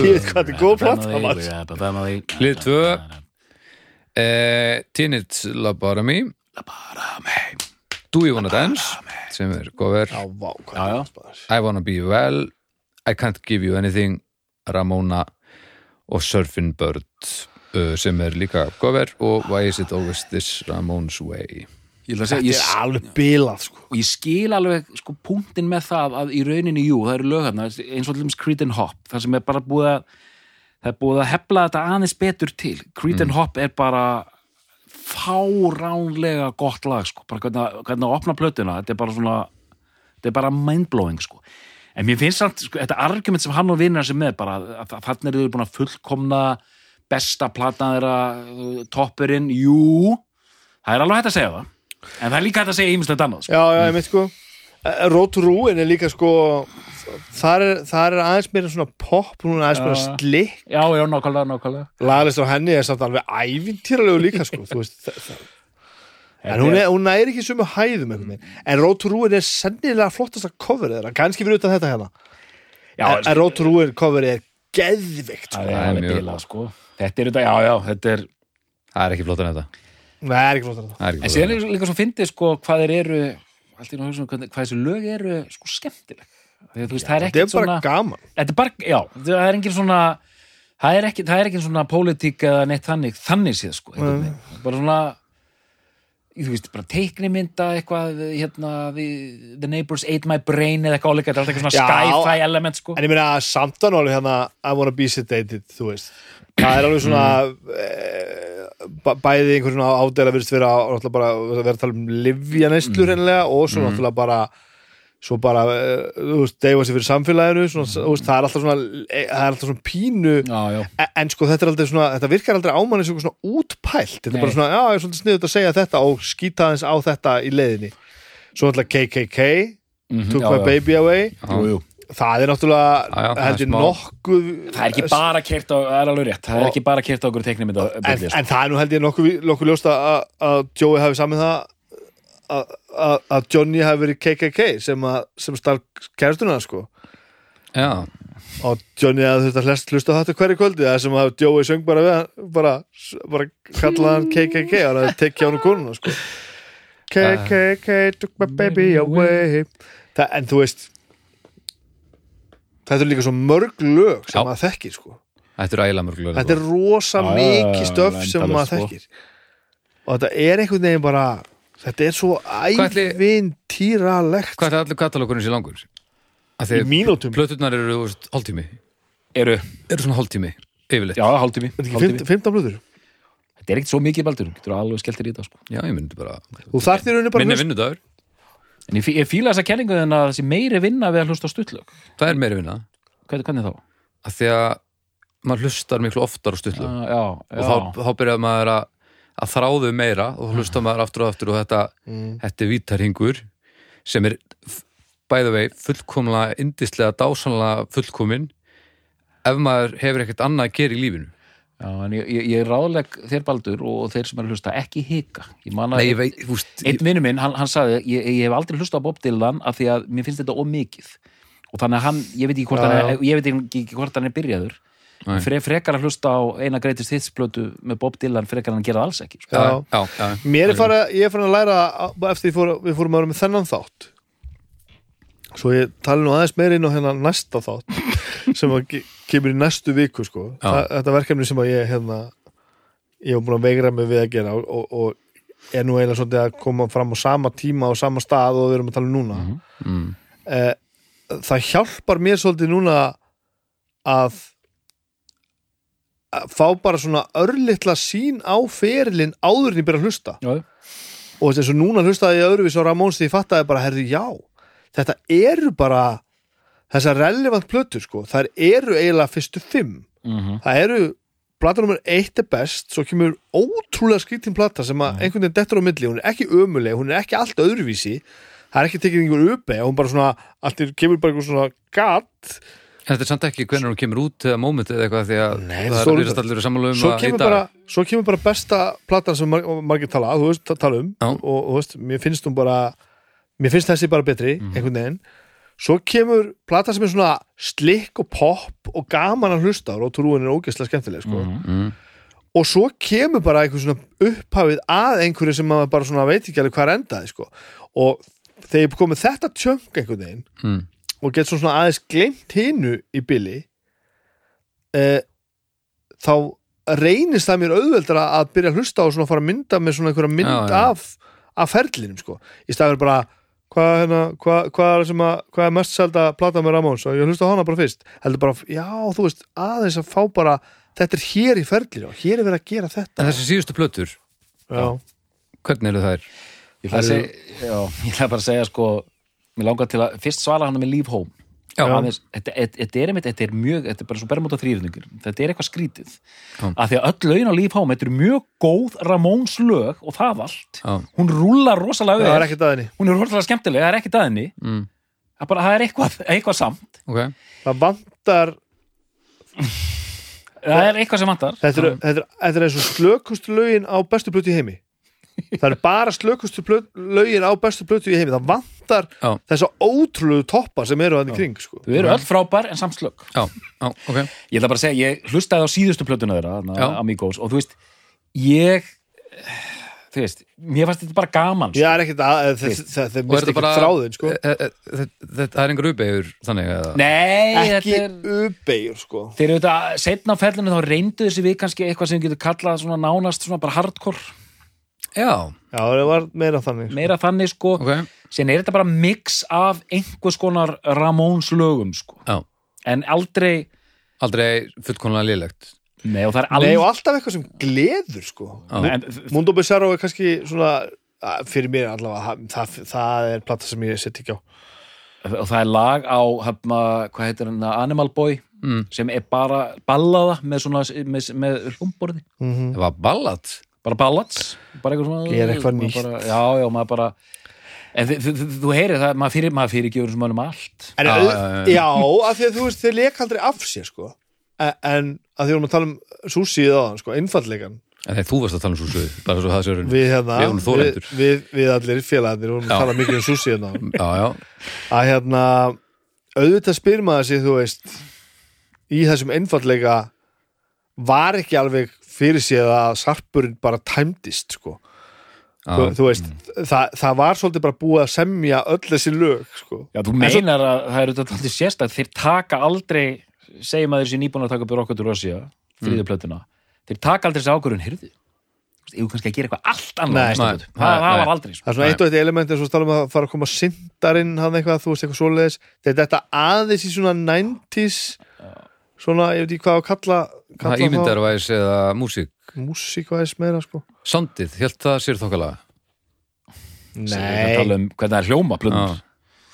Það er orðið sko af. heldur sér svolítið en, en, þetta er þetta alltaf bílskúrselementið sko. Já. alltaf sko. Já, en, en pródusíkarnir eru mjög misjafna sko og það er alveg til Ramónslög sem að ef þú heyrir ekki söngin og djói sem að ef þú þekkir ekki þá myndur ekki endilega vita að það sé Ramón sko Já, það er alveg það Já, já, Eða, það það er er Nei, alveg- það er samt ekki svo skrítið Og mér minnir eins og Brain Drain mér minnir, komið á 89 mér minnir að hún hafi verið einhvers konar effort til að svona, ok, smá back to basics höfum þetta bara einfalt rock Finna ræturnar. Finna rætunar en síðan bara held það ekki skilur. Að koma maður, hún byrjar mjög vel síðan eru bara komin lög sem eru bara of ódýr sko, það er bara þannig sko. En samt voru þeir, voru það að segja þeir urðu aggressív og aggressíveri sérstaklega live sko. live á, með, á já, saman tíma. og, eins og- já það, einmitt, það er stokkir þarna á milli Það er sko. ógeðslega skrítið það var úkislega að finna að heyra þetta hvernig Blitzkrieg Bob var bara orðið bara eins og hérna eins og Nepal Death eða eitthvað. Bara, bara 15 sekundur já, bara 15 sekundur bara.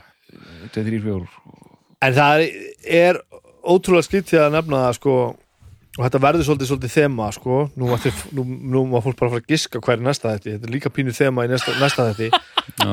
þetta er skemmtilegu leikur Þurfum það er við að taka gaman, sko. upp næsta þátt nei, nei, nei, nei. Já, það verður Get alveg ekki mjög bara gaman sko. replacað- að, að því þetta er tilvíl að ég skildi Já, svona saman þetta nákvæmlega. einhvern veginn svo bara tengist þetta svona mikið Mm. að hérna það verður rosa heillandi að tala um hljómsveitir sem að þú getur einhvern veginn ekki áttaði á hvernig voru reknar að því að meðliminir eru einhvers þar aðeins til hliða við mann sjálfan í, í, í veruleikanum.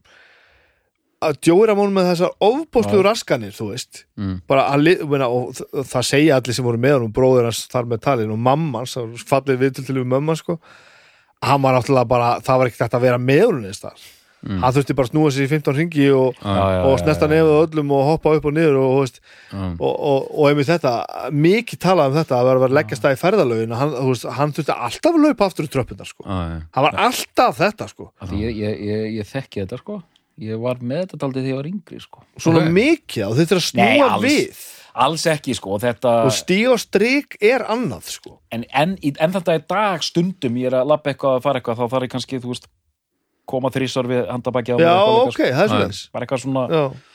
en svona en ef þú gerir ekki, hvað þá? Hefur aldrei Það- komið upp? nei, nei, það þá er ekki plagar það þetta er þig, mjög vægt það? sko. Já, Þetta er en, einhverja en það svona- myndi plaga þig ef þú myndir ekki gera það Þú veist, það myndi trubla þig eða en þú veist, þá er þetta bara, er þetta ekki bara að kalla kækur Já, ég Jó, veit það en ég ekki, meina ekki stutt á milli þannig En þetta er, jú, þú veist, þetta eru er, er svona tics eitthvað jú, sko. Eitthvað svona Tics eitthvað. en, en eins og hann er einmitt, eins og þetta, þetta er rosalegt sko. þetta, Og- 15 ringir og allt þetta Já, og svo erum við Johnny Ramón sem að þú veist stjórnar e, veist, stjórnast ekki að nefnum tilfinningu verðstura, heldur bara á praktík Mm. og er bara og, og, og svo erum við að tala um sambandum milli þeirra sem eru svona gjörsamlega sko hæ- hægri vinstri, ekki bara í pólitík þetta er bara í öllu Já. og talast ekki við sko með Díti Ramón sem að stjórna lífi sínu ekki nema upp á því marki sko, hann losnaði aldrei úr þessu eitulífamáli sko Nei, nei. Og, en sérstaklega það sem við erum að tala um þetta róf, þetta heillandi róf sko, sem að hérna djúvel heldur sem margir en ekki sko, næsta þátt. Að hérna að að, að, að það er eins og hérna nú er allir búin að fatta það sko. Vonandi, Já. það er eins og þú veist að maður sé svona spektator að þú getur ekki nema giskað á hvernig listamaðurinn sá þetta fyrir sér sko ok og, og ég hlusta bara á Ramóns og ég horfa á sviði og Mm. bara þetta gæti ég aldrei gert að því að heilin í mér já. hann er ekki alveg eins víraður og það sem er að gera þarna og þetta verður svo heillandi sko, og horfa bara á bara mm. þú veist, Þetta er þetta svo skemmtilega þessi hérna, sko, hljómsveitafræði þú tekur þetta er alltaf fjór, tökum bara þetta, þetta klassíska og gerum það bara vonandi verður að breyta eftir hundra ár fjórir gaurar til fimm saman í hljómsveit. Mhm. og það er einmitt svo gaman að við tökum bara bítlana sko. Og þú droppar, þetta eru alltaf ólíkir menn sko.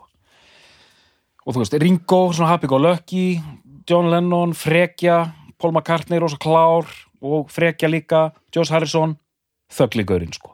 Og síðan bara er þetta balansin sem er hægt að vinna með, virðist vera í x langa tíma. Mm Já. Við erum með Ramones, það er þetta með mjög ólíka menn sko einhvern ofbóðslegar öfgar Þannig að þú veist- ofbóðslegar öfgar ég held að þú veist, og bílarnir var aldrei sambarilegir að því leitinu til. Nei, nei. síðan er þetta bara, þetta er svo fyndið sko. Síðan sko hljómsveiti rúlla R.E.M. greinilega svona allir bara frekar nettir sko. Mhm. U2, þú veist mér finnst þetta mjög heillandi hérna fyrirbæri. Já, hvernig fjórir ólíkir einstaklingar búa síðan til eitthvað eitt og ekkert hefði gengið til dæmis bara á fyrstu plötunni ef þessir fjórir hefði ekki verið þetta er svo hárið sko. það er bara málið sko, það en, er málið. en ég meina eh, Richie Ramón sem tók við að marki Ramón þegar hann var orðinu og mikið fyllibita á trommónum sko. Mm. hann náttúrulega held út í fjögur fimm ár og svo bara röklaðast hann í burtu. Þú veist, hann var aldrei komið fram við hann sem mannesku eða, eða meðlim í bandinu.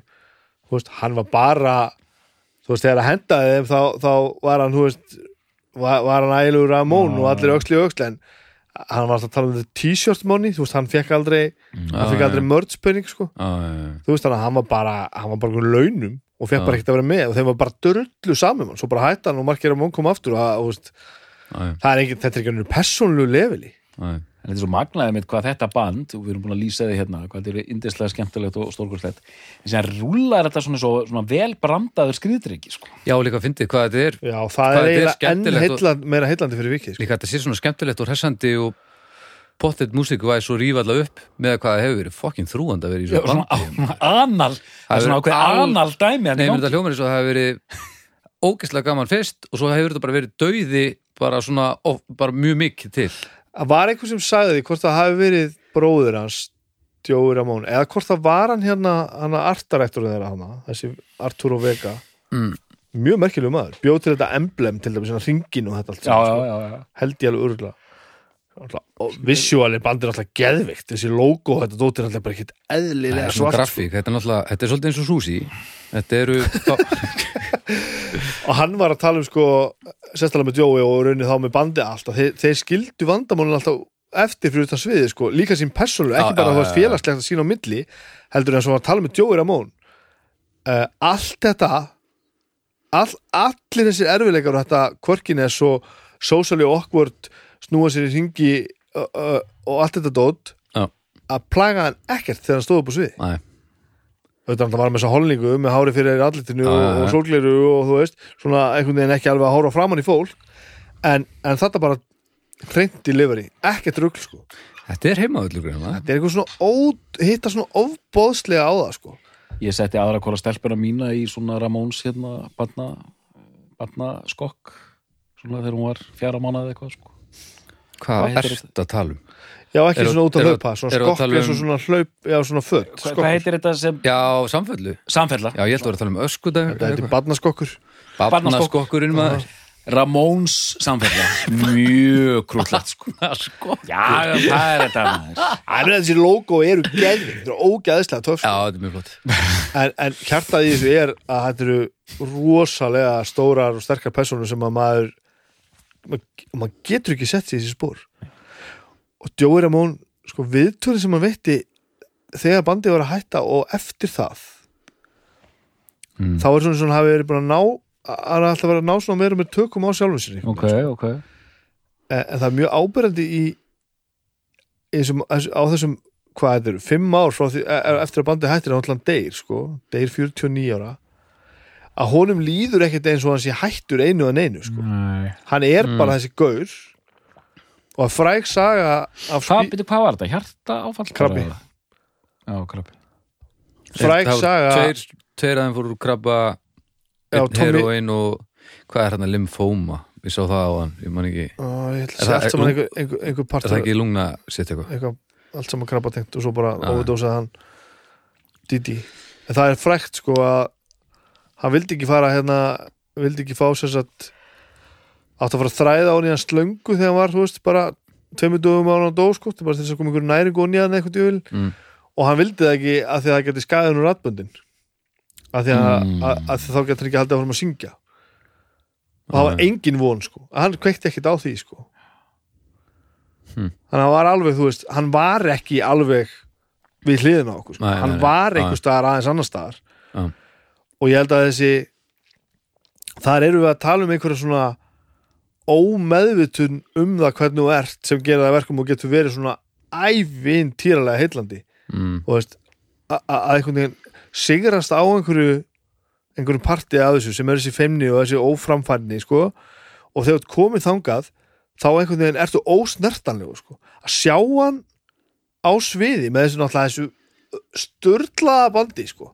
Mm. það sem þeir snúa svona oft Didi og Johnny svona aðeins frá honum ef eitthvað er sitt hvorum með við hann kannski svona fjóri metrar í, á milli manna. Og hann, hann stendur svona yfir mikrofonstatífið, Mm. hallar svona fram Já. og stendur svona í, í, í, í fremri fótinn sko.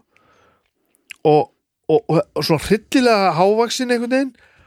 Og, og, og, syng, syng, eða, svona flytur þessi lög.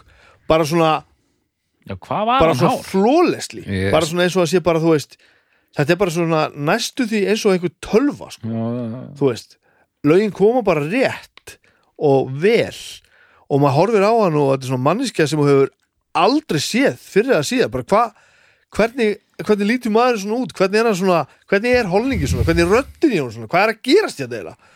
Og hann er fullkomlega heillandi. Hann er 100% heillandi. Þetta er hérna Ég sé 1.98. 205 1.98 1.98 það var ekki neitt neitt ég svona hef ekki verið neitt svona mörg kíló heldur sko. Herri, hann er ótrúlegur að sjá hann sko og bara hlusta á hann og... uppgjör uh, Við erum þetta búin að fara ansi langt með þetta Já, en, já, En hérna, Bibi, já, byrjað þú. Uh, ég ætla að pikka upp það sem að doktorinn sagði á hann.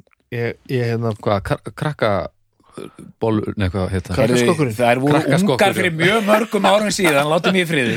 Ég ætla að nota þetta, mér að ég kveikti á nákvæmlega þessu ég kveikti á nákvæmlega þessu núna í yfirferðinni fyrir þáttinn sem að þú sagðir áðan. Mm. uh, ég held að við séum bara ekki alveg með meðvitun um það hvað gerðist mikið þegar þessi platta þetta kom út. Já, að, að því svo fór ég bara virkilega að skoða svipa, þú veist, hvað maður að segja svipaða músík, e eitthvað sem gæti Já. hafa verið að gerast á svipum tíma og aðeins fyrir. Og þetta er bara ekki til. Nei, nei, nei. endilega leiður því mig, sko, komið inn á, á spjallgrúpuna og síni mér hverju gerði þetta undan, sko. Og auðvitað hafa komið hafa verið áhrif, skilur, sem þeir tóku með sér, sko. En. en þessi plata hérna hún gerði heiminn bara betri.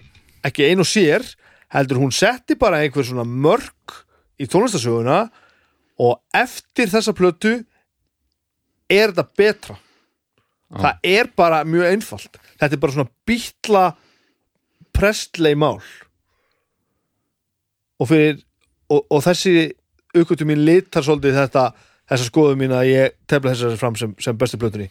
Mm. eh, ég ætla ekki að mynda mér meiri skoðun á því fyrir bara eitthvað tíma setna Doktor, nú þarf ég að koma einmitt með argument um þetta mál. Argument? Af því að, þetta er bara svo gaman, ég glemdi að drekka kaffi mitt sko. sko uh, einmitt, og það er búið að tefla þessu fram í þættinum. Ok, það er búið að tala mikið um tværplötur Mhm. það er þessi fyrsta plata, Ramóns og Rocket Rosia Mhm. og ég elska Rocket Rosia mér finnst þú stórkostleg. Já, en það, í- fyrir mig það er þessi presslegi faktor sem tekur það, sko. já, það, gaman það er bara þannig sko. og þessi plata er bara gjössamlega fullkomin bara frá, frá fyrsta lagi til, til í síðasta já, því lit renneri sko. ekki, það er ekki arða að fytu þarna sko. Nei. þetta er bara stórkostlegt sko. og hérna það er mín skoðun á þessu máli og hérna Á öðru liti getið bara spólað hans tilbaka aftur þetta og heyrt hinn argumentin sko. já, já. en þetta er bara komið sko. eitt sem að mér langar að segja í orðum uh, það er ekki oft sem maður heyrir plötur í talningu svona frumburðin sko uh, það er engin evi í þessari plötu mm -hmm. það er ekki verið að leita að neinu Nei, sko. nei, Þetta Og er það mjög góð er punktur. svo lígilegt að það hefur verið hægt að gera svona plötu sem er svona byltingakend og mann líður ekki eins og sé menn sé eitthvað að reyna að fóta sig að Já. finna þetta þetta er bara ég, við, erum, við erum búin að fatta þetta og svona er þetta, Hvað, hvað voru þeir starfandi lengi áður en þeir tók frá hann 74 sko. tvö ár tvö ár að því þú fatt Já, nafnu til, ég held að ég, ég, ég veit ekki hvað voru mikið en þeir hafa að bara, sko. bara fundu þetta bara með trommuleik fundu þetta með var bara- að lemja bara niður Já. og þá förum bara í stúdíu og, og mann líður neglum- aldrei eins og einhver hafi verið svona bara já, við erum með hérna svolítið sem við ætlum að fá að sína ykkur Nei. þetta er bara, herru, við erum komin hérna og þetta er sem sagt svona. Ok, og þetta öryggi sem Snæbjörn er að tala um þú heyrir það þú, sko, þú, þú, þú hlustar á Blitzkrieg Bob og þú er bara shit. Mm. sem kemur bítandi bratt, shit. Og ég fatta alltaf sko að þeir eru komin inn í þriðja lag, Duty as a Punk það er bara svona, shit, þeir ætla bara ekki að hætta. Það er bara, vá, býttu hérna er komið þriðja lagi sem er bara algjör geðveiki. Og síðan kemur þessi stórkostlega ballaða I wanna be your boyfriend. Æðislega indislegu texti og síðan bara heldur þetta svona áfram það er bara svona, what the fuck sko. þetta er ótrúlega plata sko. og bara ótrúlega hljómsveit sko. ég Já, átt að hlusta svo mikið á Ramóns núna næstu vikur sko. ég fer alveg núna ég, það. þú ert heldur já, ég meina, ég, ég veit að þetta er mitt band ég er vandamálið já, og þetta að því við vorum að tala um Dylan og stóra ferilinn og allt þetta dót sko, veist, mér langar ósa mikið til þess að fara ken, kynna mér sko feril Genesis sko? Ég bara fucking nenni því ekki. Þetta er bara ekki að nenna neitt sko. Þetta er bara í alvörinni þetta liggur bara svona við fætum Æ. á mann og segja bara þetta er bara snilt, ég er bara að play. Herri, Snæbjörn Er þetta besta plata Ramóns? já, Doktor, er þetta besta plata Ramóns? já. Við þakkum fyrir í dag og við heyrumst að viku liðinni